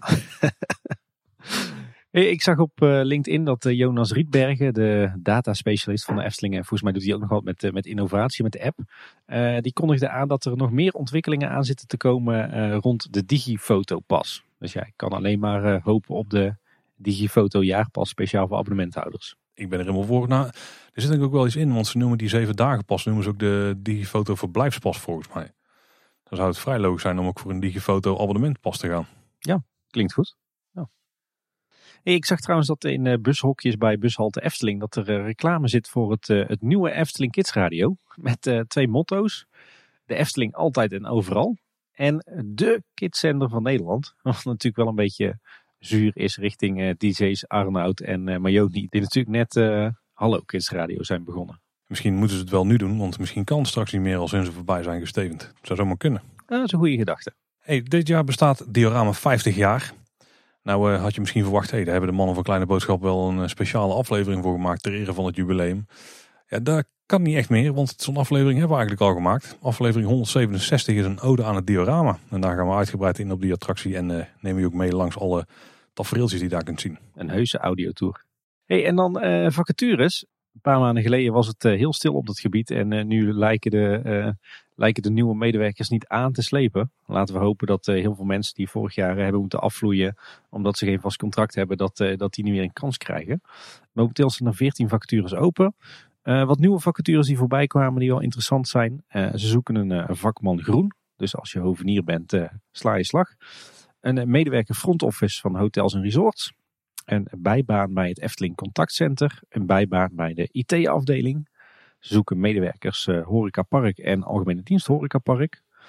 Uh, en wat wel interessant is, ze hebben een aantal meewerkstages die volgens mij uh, um, samenhangen met het opnieuw beginnen van Caro. Ze zoeken namelijk een productieassistent voor de afdeling theaterproducties, een meewerkstage kap en griem en een meewerkstage kinderbegeleiding Caro. Dus ja, dat uh, lijkt me overduidelijk. Op zich wel interessant om te zien in die vacature is dat uh, de afdeling theaterproducties voortaan valt onder de business unit hotels en resorts. En dus geen, uh, geen aparte business unit meer is zoals voorheen toen nog samen met evenementen zat. Volgens mij wisselen ze iedere twee maanden van business units. ja, inderdaad. Misschien moeten ze daar gewoon maar eens mee stoppen. er zijn er immers toch nog maar twee. En tot slot zoeken ze ook nog een support specialist IT en digital. En als je wil weten hoe het nou is om bij de Efteling stage te lopen en uh, eventueel daarvan door te groeien naar een bijbaan. Er is een blogartikel geplaatst waarbij jou nou vertelt hoe dat bij hem is verlopen. Die uh, is nu nog bezig met zijn stage bij de Efteling. Die loopt volgens mij een van de komende dagen af. En die is daarna uh, doorgestroomd als junior gastheer. Ja, die deed of doet volgens mij een stage bij de afdeling communicatie. Hè? Dat weet ik vrij zeker, want Jarno heeft ons wel eens begeleid de afgelopen weken. Ja, toevallig twee dagen geleden nog. Hey, de, eh, de binnenattracties mogen open op 5 juni, maar de musea ook. En dat betekent dat ook het Anton Pieck Museum weer open mag. Uh, die opent dus 5 juni met drie nieuwe tentoonstellingen. Uh, waaronder Roodkapje, Sprookje voor de Efteling. Een tentoonstelling die volledig gewijd is aan de tekeningen van Anton Pieck voor het Sprookje van Roodkapje. We weten nog niet waar die is, hè? Is die ook weer boven? Die is in Hattem. Ja, daar snap ik. Maar is die ook in de bovenverdieping? Volgens mij wel, ja. Zo hebben ze de Efteling-expositie daar opgeruimd. Ja, dat weet ik trouwens niet, want volgens mij uh, vertelde uh, Francine de vorige keer dat ze die volgens mij wat langer lieten staan. Dus dat uh, durf ik je niet te vertellen. Misschien moeten we er binnenkort maar waar eens heen, die kant op. Ik hoop dat ze erbij staan, ik wil ook nog wel een keer met de kinderen langs. Die vinden het ook mooi om te bekijken. Ja, nou dat moeten we ze in de gaten houden. In het Brabants Dagblad stond een uitgebreid interview met Yvonne Kersberry, ik noem het maar zo even. Dat is de nieuwe directrice van Villa Padus. Ja, zij blijkt uit Oosterwijk te komen van oorsprong. En ze gaat zich bij Villa Padus uh, onder andere richten op het verder uitbouwen van de ervaring en beleving rond het verblijf in de villa. Uh, daar is nu al een app voor bedacht. Uh, Peter Persoon vertelt het al eens bij ons, maar volgens haar is er nog veel meer mogelijk. En wat mooi was om te lezen in dat interview is dat Villa Padus vanaf 28 mei weer op volle toeren draait. Dus daar kunnen weer heel wat gezinnetjes ja, een onbezorgde week beleven. Mooi. En meer versoepelingen betekent ook dat uh, niet-essentiële reizen met het OV weer mogelijk zijn. En daarom zijn er ook weer combi-tickets te verkrijgen in de spoordeelwinkel voor een dagje Efteling. En daar zit dan de trein, de bus en de entree bij inbegrepen. En die kun je vanaf 49 euro krijgen. Dus check daar even voor de spoordeelwinkel van NS. Ja, dan hebben we nog een paar uh, kijktips uh, op social media. zo is de Stamtafel, een van onze favoriete accounts. Die heeft weer eens wat mooie foto's gepost in een serie over eind jaren 90. Deze keer onder andere de bank op het Dwarrelplein. Uh, de foto's van de bouw van Vogelrok. Van de oude bloemenpracht rond de Gondoletta. Uh, het oude Carnaval Festival met die golfplatengevel en uh, Café de Feestneus. Maar ook foto's van Vogelrok direct na de opening. Van Monsieur Cannibal nog zonder dak. Van het Verlies. En van de, het Dolhof direct na de opening. Dus dat zijn weer heel veel toffe foto's. En daar zullen we naar linken in de show notes. En waar je ook toffe foto's vindt op Twitter is bij het account Eftel Historie. Uh, zeker ook een aanrader om te volgen. Deze week onder andere een prachtige foto van de Siervijver met het café-restaurant op de achtergrond in 1953. Maar ook hele mooie foto's van het, het oude kinderspoor in het, het Westerpark, toen nog het Marenrijk. En het uitzicht op de Pegasus over de Kano-vijver heen. Dus dat is zeker ook een account om te volgen. Ja, nog een tip die last midden binnenkwam. Uh, luisteraar Ruben, die was zelf aan het tekenen gegaan en die heeft een enorm toffe Efteling plattegrond geklust. Maar die is speciaal Tim, want die is een Tolkien-stijl gemaakt. Dus zoals je ze ook zou kunnen vinden in de Hobbit of de Lord of the Rings boeken. Ja, ik moet zeggen, ik heb weinig met de Lord of the Rings en Tolkien. Maar die plattegrond die ziet er echt prachtig uit. Ja, en als je hem gaat bekijken, even extra aandacht besteden aan wat er helemaal rechts langs het park geschreven staat. Ja, daar moest ik heel erg hard om lachen. Check het linkje via de show notes, dan kun je hem kijken op onze social media account. Zijn er ook nog dingen gebeurd Tim rondom de Efteling? Ja, dan komen we weer in het blokje uit de periferie. Uh, er wordt hard gewerkt aan het, eh, het, afronden van de fietssnelweg tussen Tilburg en Waalwijk, de F261. Uh, eh, en dan met name aan het gedeelte wat langs de wereld van de Efteling loopt. Ze hebben de afgelopen weken hard gewerkt aan het draaien van nieuw asfalt voor het, het brede tweebaans fietspad en de nieuwe kruising tussen de Eftelingse straat en de Horst. En daar zijn ze nu nog bezig met de laatste dingetjes. Dus wat, wat straatwerk aanhelen op het asfalt, de beleiding aanbrengen op het asfalt, verkeersborden plaatsen, de nieuwe ledverlichting plaatsen en wat straatmeubilair. Binnenkort volgt de derde en laatste fase van de F261 op het grondgebied van de gemeente Loon op Zand. Dat zal zijn bij de afrit Loon op Zand van de N261. Daar gaan ze ook nog een laatste stukje fietspad maken. En daarvoor zal die afrit ook afgesloten zijn. We hadden ook nog wat vragen gesteld aan de gemeente. Onder meer over de parkeerplaatsen die vroeger langs de, de horst lagen. Waar je zo makkelijk kon parkeren als je het keierspoor wilde wandelen. En over wat er nou uh, gaat gebeuren met het fietspad aan de andere kant. Dat uh, oude betonplaten fietspad. Maar inmiddels zijn we ruim twee weken later en heb ik uh, nog steeds geen antwoord op de mail. Dus dat gaat heel lekker. Dan zijn we ambtenaren op hun beste. Ik zeg even niks. en ehm, wel hoopgevende berichten uit Tilburg. Want het, het hele Tilburgse tracé van de fietssnelweg die, is inmiddels volledig gereed. Dus over niet al te lange tijd dan kunnen we van Centrum Tilburg naar het industrieterrein in Waalwijk fietsen in een vloeiende, vlekkeloze lijn. Verder viel mij nog op dat het, de wegen in het buurtschap Bernse Hoef op 10 en 11 juni afgesloten zullen zijn. Dus even een heads-up als je via die weg naar de Efteling rijdt.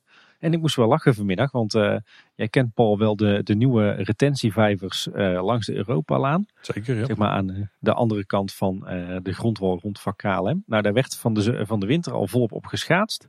En vandaag viel mij op dat het zo waar ook wordt gebruikt als openluchtzwembad. Als openluchtzwembad? Daar werd in gezwommen. Oh, daar waren mensen heel wanhopig voor een beetje verkoeling. ja, dus we hebben daar stiekem gewoon een stukje, ja wat is het, stukje dagrecreatie net buiten de wereld van de Efteling. Dan moeten we daar toch eens iets van een kraampje neerzetten of zo, Paul. Ik denk dat we daar goed, goed kunnen verdienen. Inderdaad, ja. Hey, dan gaan we naar, en dan nog dit Tim. Ja, Paul, jij zat in, in Toverland hè? We zijn eh, pas geleden zijn we naar Toverland gegaan. Uh, even voor de volledigheid. Toen was binnen was alles nog dicht. Dus de grote hallen waren nog dicht. Maar de Toverland camping die was wel open. De pop-up camping die ze daar hebben gecreëerd. En daar zijn we heen gegaan eh, met onze camper. We hebben daar een staanplaats gepakt. Uh, alles heel netjes geregeld. Je kunt daar gewoon op de dag van aankomst kun je daar al vroeg terecht. Dus je kunt gewoon de hele dag al gewoon het park in. En dan kun je, als je met de camper bent, kun je hem op de staanplaats zetten als er niemand staat op dat moment. Maar anders dan kun je gewoon even parkeren op de reguliere parkeerplaats die daar bij de hallen ligt, zeg maar. Dus het deel daarvan wat dus niet bezet is voor de camping. Dan kun je s kun je een bandje halen. Dan krijg je postbandje. Dan kun je de hele dag het park in. En de dag nadat je er slaapt kun je ook gewoon de hele dag het park in. Dan moet je er wel op een gegeven moment ook weer je voertuigen wegzetten. Maar dat is super goed geregeld. Eh, heel net ontvangst. Krijgt je meteen een boekje met uitleg. Waar wij tot onze verrassing erachter kwamen dat er ook nog een heel avondprogramma was. Dus nadat het park dicht was, was er ook nog van alles te doen. Vooral in het begin voor kinderen, maar eh, ook voor volwassenen. Ja, ik heb het gezien, ja. Jij, jij deelde dat op, uh, op social media. Ik vond het ook een, eh, een heel bijzonder aardig avondprogramma voor zo'n camping. Ja, daar gaan we het daar even over hebben.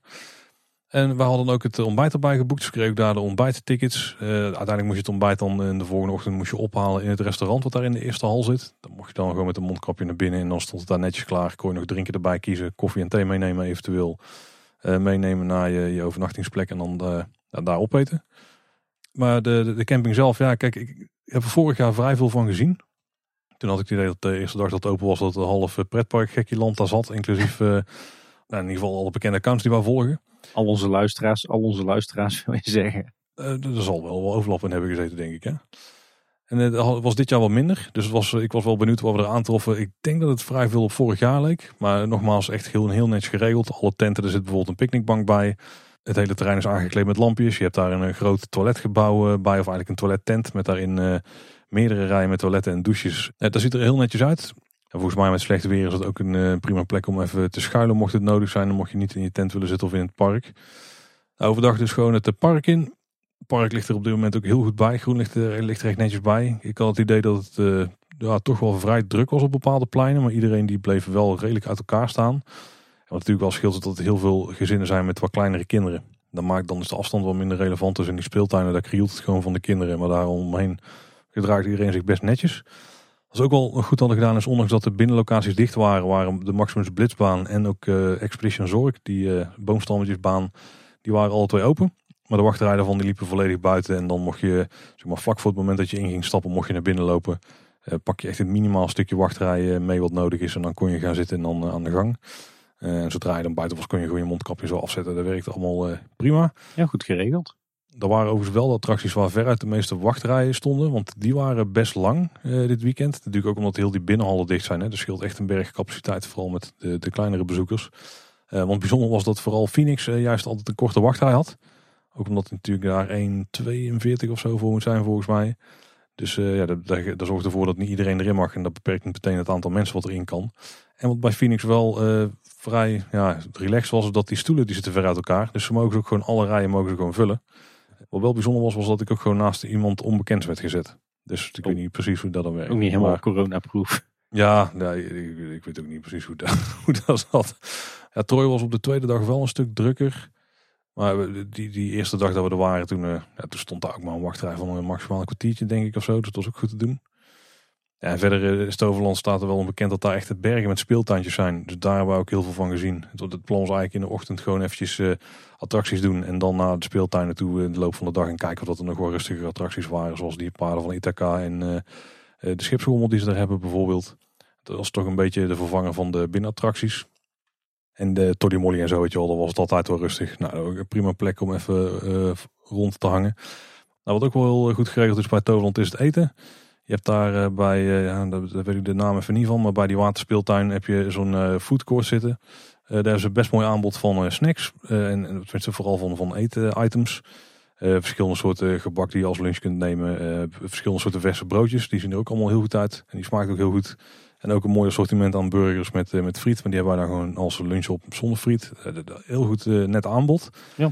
De snacks kon nog wel wat in verbeterd worden, denk ik. Ik hoorde van een hoop mensen dat Toverland het heel goed voor elkaar had qua eten. En dat klopt qua lunch en avondeten zeker.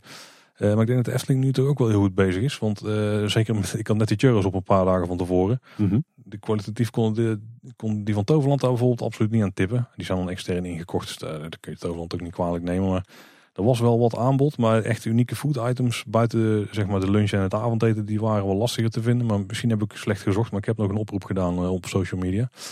Uh, en ik kreeg vooral uh, lunch en, en avond suggesties, of avondeten suggesties. En die waren allemaal goed natuurlijk. Uiteindelijk gegeten ook bij de Flaming verder. Dat was ook prima. en ook wel bijzonder dat we dan nog een plekje konden vinden trouwens. En toen werd het avond, park dicht, wij naar buiten. En toen begon volgens mij vanaf half zeven of zo al het avondprogramma. Daar werd de speeltuin naast de eerste hal, waar ook het uh, doolhof zit, die werd dan opengesteld. En dan konden de kinderen gewoon heel de avond nog doorspelen. Nou, dat was al heel fijn. Maar er zat ook entertainment bij. Er was een kinderdisco, uh, waarbij Toos dan kwam dansen samen met een van de, de gastheren. Zo'n piraatachtige figuur, zeg maar, die ook in Port Laguna rondlopen.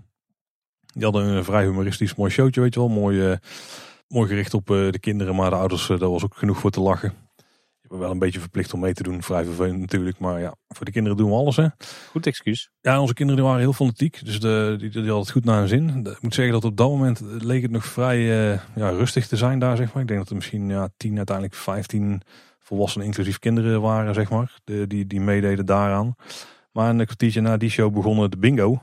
En uh, die was vrij populair. Volgens mij zaten daar wel 50 tot 70 man op een gegeven moment Jeetje. fanatiek mee te doen. En ook ontzettend veel flauwe grappen tussendoor en zo. Dat was echt heel goed geregeld. Kinderen ook daar weer super fanatiek. Die vielen net buiten de prijzen. Dus die was, was vrij sip, die oudste.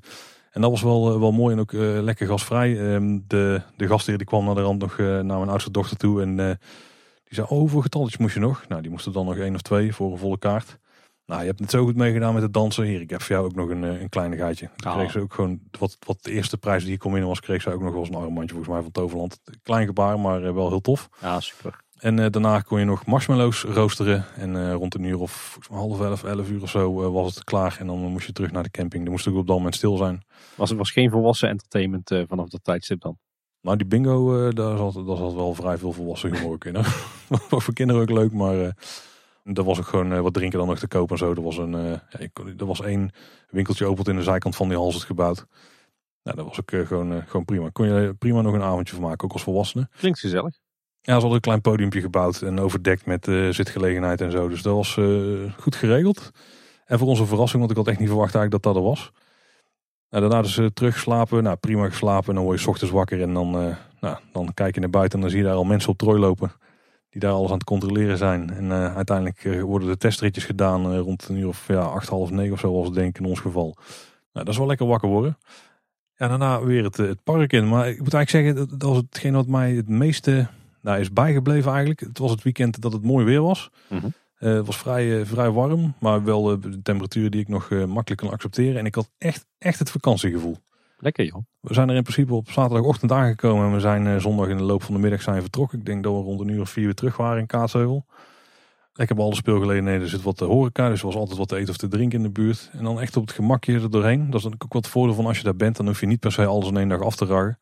We hebben ook bewust in de ochtend op de tweede dag zijn we vrij vroeg eh, in de rij gaan staan. Eh, Voor, vrij vroeg, tien minuten voordat het park open ging. En dan kom je vanaf de andere kant van het park binnen. Want de ingang voor de camping die zit dus aan de kant van het Land van Toos bij de eerste hal.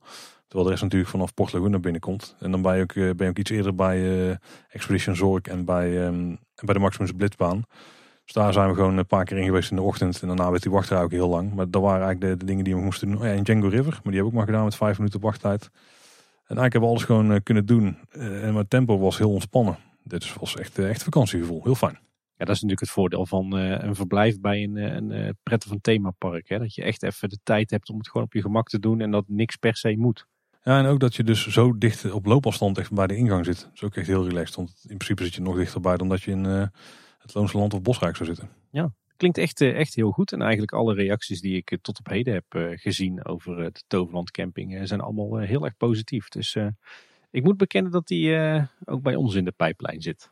Ja, kijk, het is een heel tof concept. En ik heb natuurlijk ook zitten kijken van zou het iets zijn voor de Efteling. En dat denk ik uiteraard wel. Want Ja. de campingcapaciteit in de buurt is gewoon een stuk afgenomen de laatste tijd. Alleen ik weet niet zeker of de Efteling daar echt nu plek voor heeft. Want het voordeel wat Toverland heeft, is dat heel veel van die stroken die ze daar vlak bij de ingang hebben liggen, die zijn groen. Er ligt gewoon echt gras onder, zeg maar. Dus daar staan al die tenten op. Terwijl al- alle parkeerplaatsen van de Efteling, die ze ook hard nodig hebben, die zijn allemaal verhard. En je hebt dan wel een paar groene stroken aan het eind van het hoofdparkeerterrein. Maar dat is dan niet echt de meest aangename Nee. plek voor een camping, waar dan Nee. s ochtends vroeg alle auto's langskomen scheuren.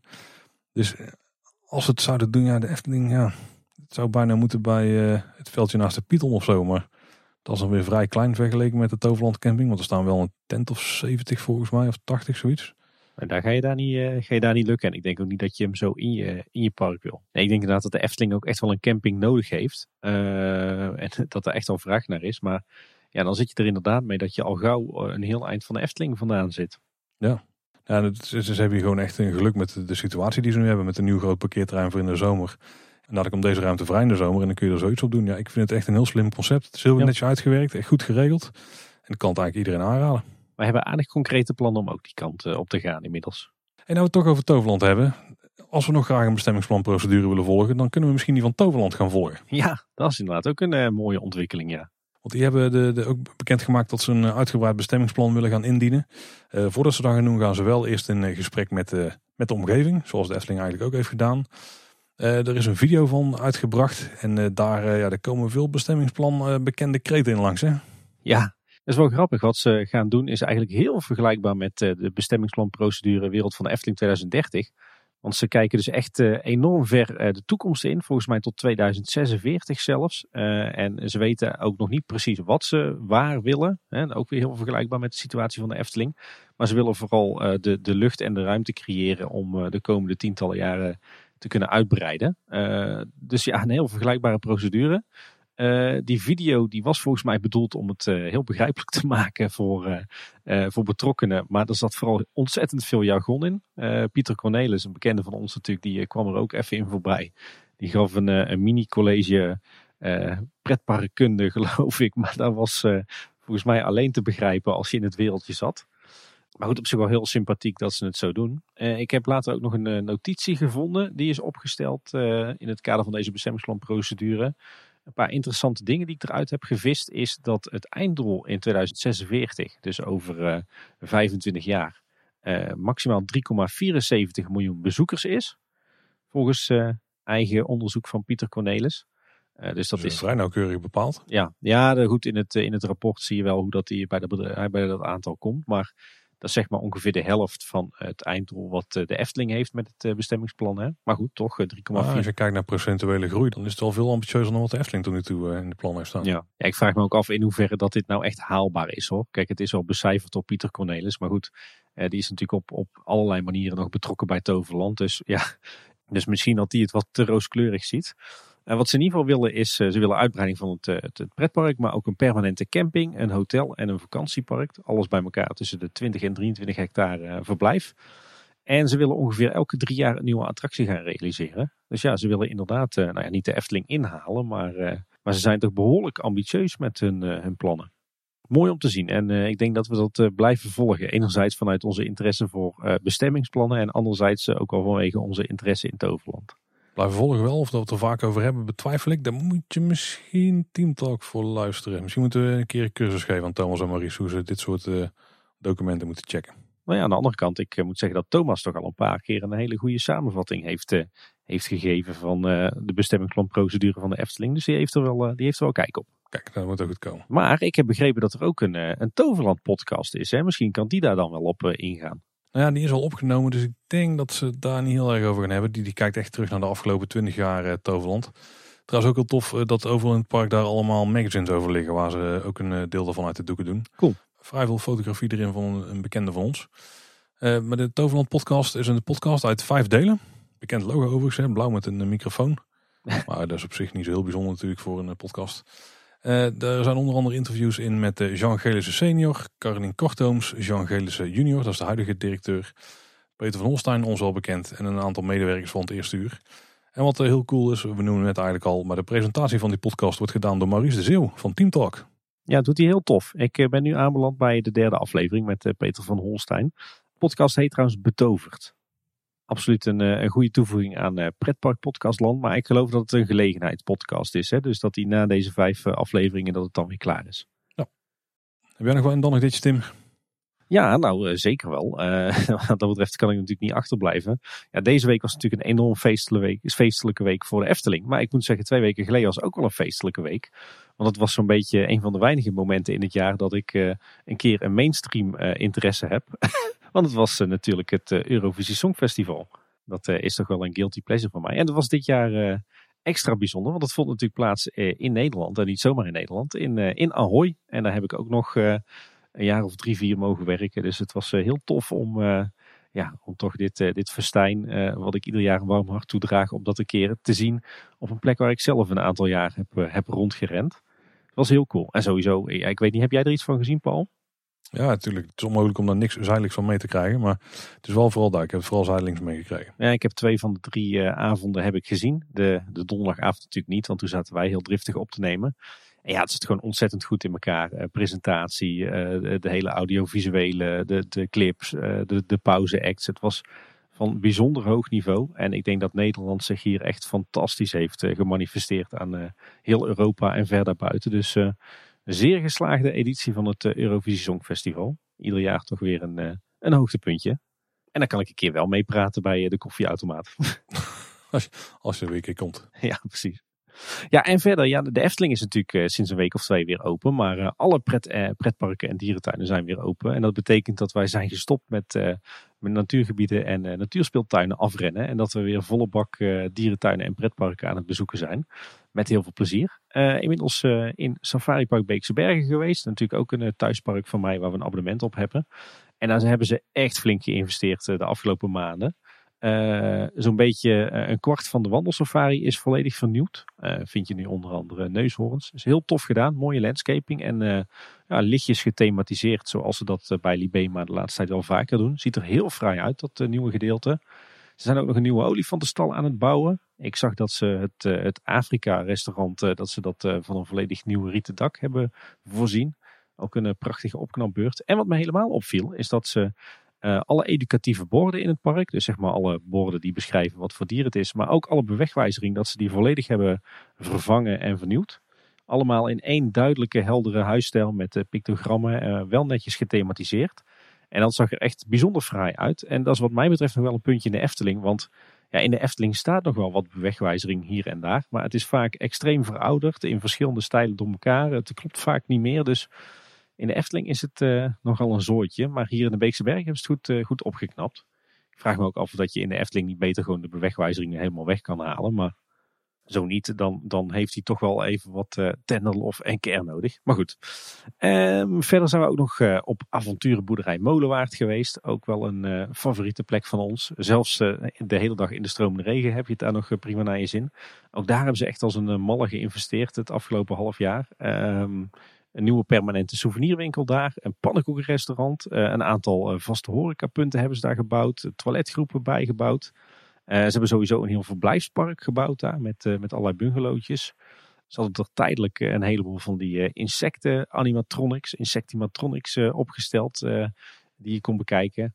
En ze hadden zowaar een, een heuse attractie gebouwd. Een soort van moderne variant van het kinderspoor. Maar dan zit je niet in een treintje, maar in fruitkistjes. En moet je dus rondtrappen. En het viel mij op dat die van de firma metaalbouw Emmelen waren. Die we natuurlijk kennen van de Zes Zwanen en de, en de Oude Tuffelbaan in de Efteling. En wat me trouwens ook heel erg opviel is dat, ik bedoel, de Efteling en het Toverland hebben natuurlijk allebei heel vriendelijk personeel. Maar dat kan, kan niet op tegen het personeel van de avonturenboerderij Molenwaard. Want dat is echt het meest extreem vriendelijke personeel wat ik ooit heb meegemaakt. Echt hoe, hoe ze daar met je omgaan. Zo oprecht, aardig en vriendelijk en betrokken en warm. Dat is echt heel prijzenswaardig. En we zijn ook nog in Ouwehands Dierenpark geweest om uh, natuurlijk de babypanda te, uh, te bewonderen. Als ik het goed zeg, uh, van Xing. En nou, ook daar wordt flink gebouwd. Onder meer het nieuwe bonenbovenblijf is daar zo goed als klaar. Dus nee, was ook weer heel tof. En ook voor de komende weken staan er weer volop pretparken en dierentuinen en musea op de planning. Verder zag ik trouwens nog een berichtje voorbij komen dat een van mijn andere favoriete parken, Liseberg, uh, Liseberg moet ik eigenlijk zeggen, in Göteborg. Dat die na, nou wat zal het zijn, na bijna anderhalf jaar eindelijk weer open mogen. En ik zag een heel tof filmpje van hun, hun nieuwe dark ride, Underlanded, een speciale dark ride in het kindergedeelte. Die is nu eindelijk ook voor het, voor het eerst open. Ik zal een linkje in de show notes zetten. Weer een goed excuus om weer een keer naar Göteborg te gaan. Ja, en tot slot nog een, eh, een drietal luistertips. Er zijn inmiddels eh, heel wat pretparkpodcasts die ik eh, ook allemaal een beetje probeer te volgen. maar van de week werd ik wel gewezen op een hele leuke nieuwe. en dat is de podcast van 0 tot 8 baan. En die gaat volledig over Nederlandse achtbanen. En ik geloof dat ze in de toekomst ook nog wel achtbanen in de parken buiten Nederland willen bespreken. Wordt gepresenteerd door twee jonge, frisse studenten. Een man en een vrouw. Hebben echt een goede stem. Doen het hartstikke leuk. En het heel leerzaam. Dus absoluut een aanrader van 0 tot 8 baan. Ik moet zeggen, de aflevering over de Python zat weinig nieuws in voor mij. Maar de afleveringen over andere achtbanen buiten de Efteling, die, die waren toch heel erg leerzaam ook. Wat ik ook een hele toffe podcast vind, die ik ook altijd luister, is de Spoorcast over treinen en stations en de spoorwegen. ze hadden nu een hele leuke, seizoen 2, aflevering 8. Uh, die luistert naar de naam We Mogen Weer. Gaat over het feit dat je weer gewoon in de trein mag stappen en erop uit kan gaan. En de drie mannen die bespreken daarin de leukste treinuitjes van Nederland. Dus de mooiste treintrajecten, de mooiste stations, de mooiste steden om met de trein te bezoeken. Dus als je, net als ik, dol ben om erop uit te gaan en je wil eens naar een andere plek toe dan normaal, dan is dat zeker een, een aanrader. En ik heb al eerder gezegd dat we hier in huis uh, momenteel in een soort uh, dino-fase zitten. Iedereen hier thuis vindt uh, dino's ineens helemaal vet. En het komt goed uit, want er is een nieuwe podcast gestart. De DinoCast. en dat is een Nederlandse podcast van Maarten van Rossum en, en Gijs Rademaker. Allebei bekend van De Slimste Mens. En die maken dus nu een podcast volledig gewijd aan dinosaurussen. onder meer in samenwerking met Tylers en met Naturalis, twee prachtige musea. Dus heb je wat met, met dino's, dan is dat ook zeker een luistertip. Was een beetje de doelgroep daarvoor? ja, vooral volwassenen eigenlijk. Oké. Nee, het is zeker niet voor kinderen. Als je Maarten van Rossum een beetje kent, dan uh, heb je daar wel een, een, beeld van. Heel serieus, maar, maar toch uh, maar niet zwaar op de hand hoor. Maar uh, echt heel leerzaam. En ze doen het ook niet, niet zo met z'n tweeën. Ze hebben iedere aflevering er een wetenschapper bij. Vaak iemand vanuit Naturalis die heel veel kan vertellen over een bepaalde soort dino of een bepaald aspect. Zo hebben ze nu een, een aflevering gewijd aan de Stegosaurus en een aflevering gewijd aan de Triceratops. En nou ja, zo gaan ze geloof ik nou, minimaal tien afleveringen maken. Oké, ben benieuwd. En dan zijn we er wel weer doorheen voor deze aflevering, Tim. Mijn, uh, mijn verzameling schrobbelen, die is ook op. ja. ja, we hadden het al beloofd aan het begin van deze aflevering. Hè, weer heel veel nieuws te melden. Uh, nou, de volgende nieuwsaflevering, dan uh, moeten we natuurlijk gaan, uitgebreid gaan stilstaan bij wat we allemaal aan nieuwe dingen en andere dingen gezien hebben in de binnenattracties. Maar daarna dan zal het toch snel rustiger worden, denk ik zo zeg nooit dat het zo zal zijn, want volgens mij is de afleveringlengte in de afgelopen maanden toch wel toegenomen. Toen was het park vrij dicht. Nou ja, misschien dat als het nu gewoon weer open is en uh, de coronacrisis is uh, ver op zijn eind, uh, dat, dat we dan weer nieuwsafleveringen van een uurtje kunnen maken. Ja, geloof je zelf. Nee. Nou, we zullen het gaan meemaken. hey, luisteraars, wil je nou een vraag aan ons stellen? Voel je gewoon iets ons kwijt? Dat kan bijvoorbeeld via Twitter, daar zijn we Boodschap. En op Facebook en Instagram zijn we Kleine Boodschap kunt ook een langer verhaal sturen via de e-mail. Dan kun je mailen naar info.kleineboodschap.com. En kleineboodschap.com is ook onze website. Daar vind je alle afleveringen. Die kun je daar luisteren. Maar je kunt ook de show notes checken. Er zijn de linkjes die relevant zijn bij de aflevering. Die plaatsen er allemaal op de afleveringpagina's. Dus als je meer wil weten, dan kun je daar nog verder alles uh, doorbladeren. Ja, daar steken ook echt moeite in. Dus daar zitten echt uh, aardig wat uh, zaken tussen die het bekijken of beluisteren waard zijn. Luister je nou in een podcast app, dan kunnen we het heel erg waarderen als je abonneert. Mocht je dat nog niet hebben gedaan, en kun je nou een review achterlaten. Bijvoorbeeld een Apple podcast, dan kunnen we het ook altijd heel erg waarderen. En zo hebben we weer een paar nieuwe reviews gekregen. Onder andere een van Frank, die schrijft... Paul en brengen wekelijks interessante afleveringen die enorm boeiend zijn. Van diepte-interviews met de schat aan informatie tot nieuwsafleveringen met aandacht voor ieder detail. Kleine Boodschap is een must voor iedere pretparkliefhebber, maar ook voor iedereen die wel eens een Efteling of een ander pretpark komt. De afleveringen zitten goed in elkaar en het luistert lekker weg. Ga zo door. En daarbij gaf hij vijf sterren. Dankjewel Frank. En ook kregen we een berichtje van Kuttegetje Oh, dat is Geert van de Put blijkt dan uiteindelijk. Maar dat was zijn username. Kleine Boodschap is de podcast over echt alles Efteling. Er kan in de Efteling geen straatsteen verplaatst zijn. Of Tim en Paul hebben het vermeld in een onderhoudsblokje. Ik denk dat hij daar wel gelijk heeft, Tim. Ja. En dat kan ik zeer waarderen als Efteling-liefhebber. Dankzij deze podcast ben ik nog meer betrokken geraakt bij de Efteling dan ooit tevoren. Ook al ben je niet zo'n grote Efteling-fan, de podcast van Tim en Paul is altijd fijn om te luisteren. Mijn vijf sterren hebben jullie binnen. Houdoe en keep up the good work. Groetjes Geert van der Put. Nou Geert, dankjewel. Ja, en we hebben het al eerder gezegd, hè, we kunnen nog honderden afleveringen door, lijkt het wel.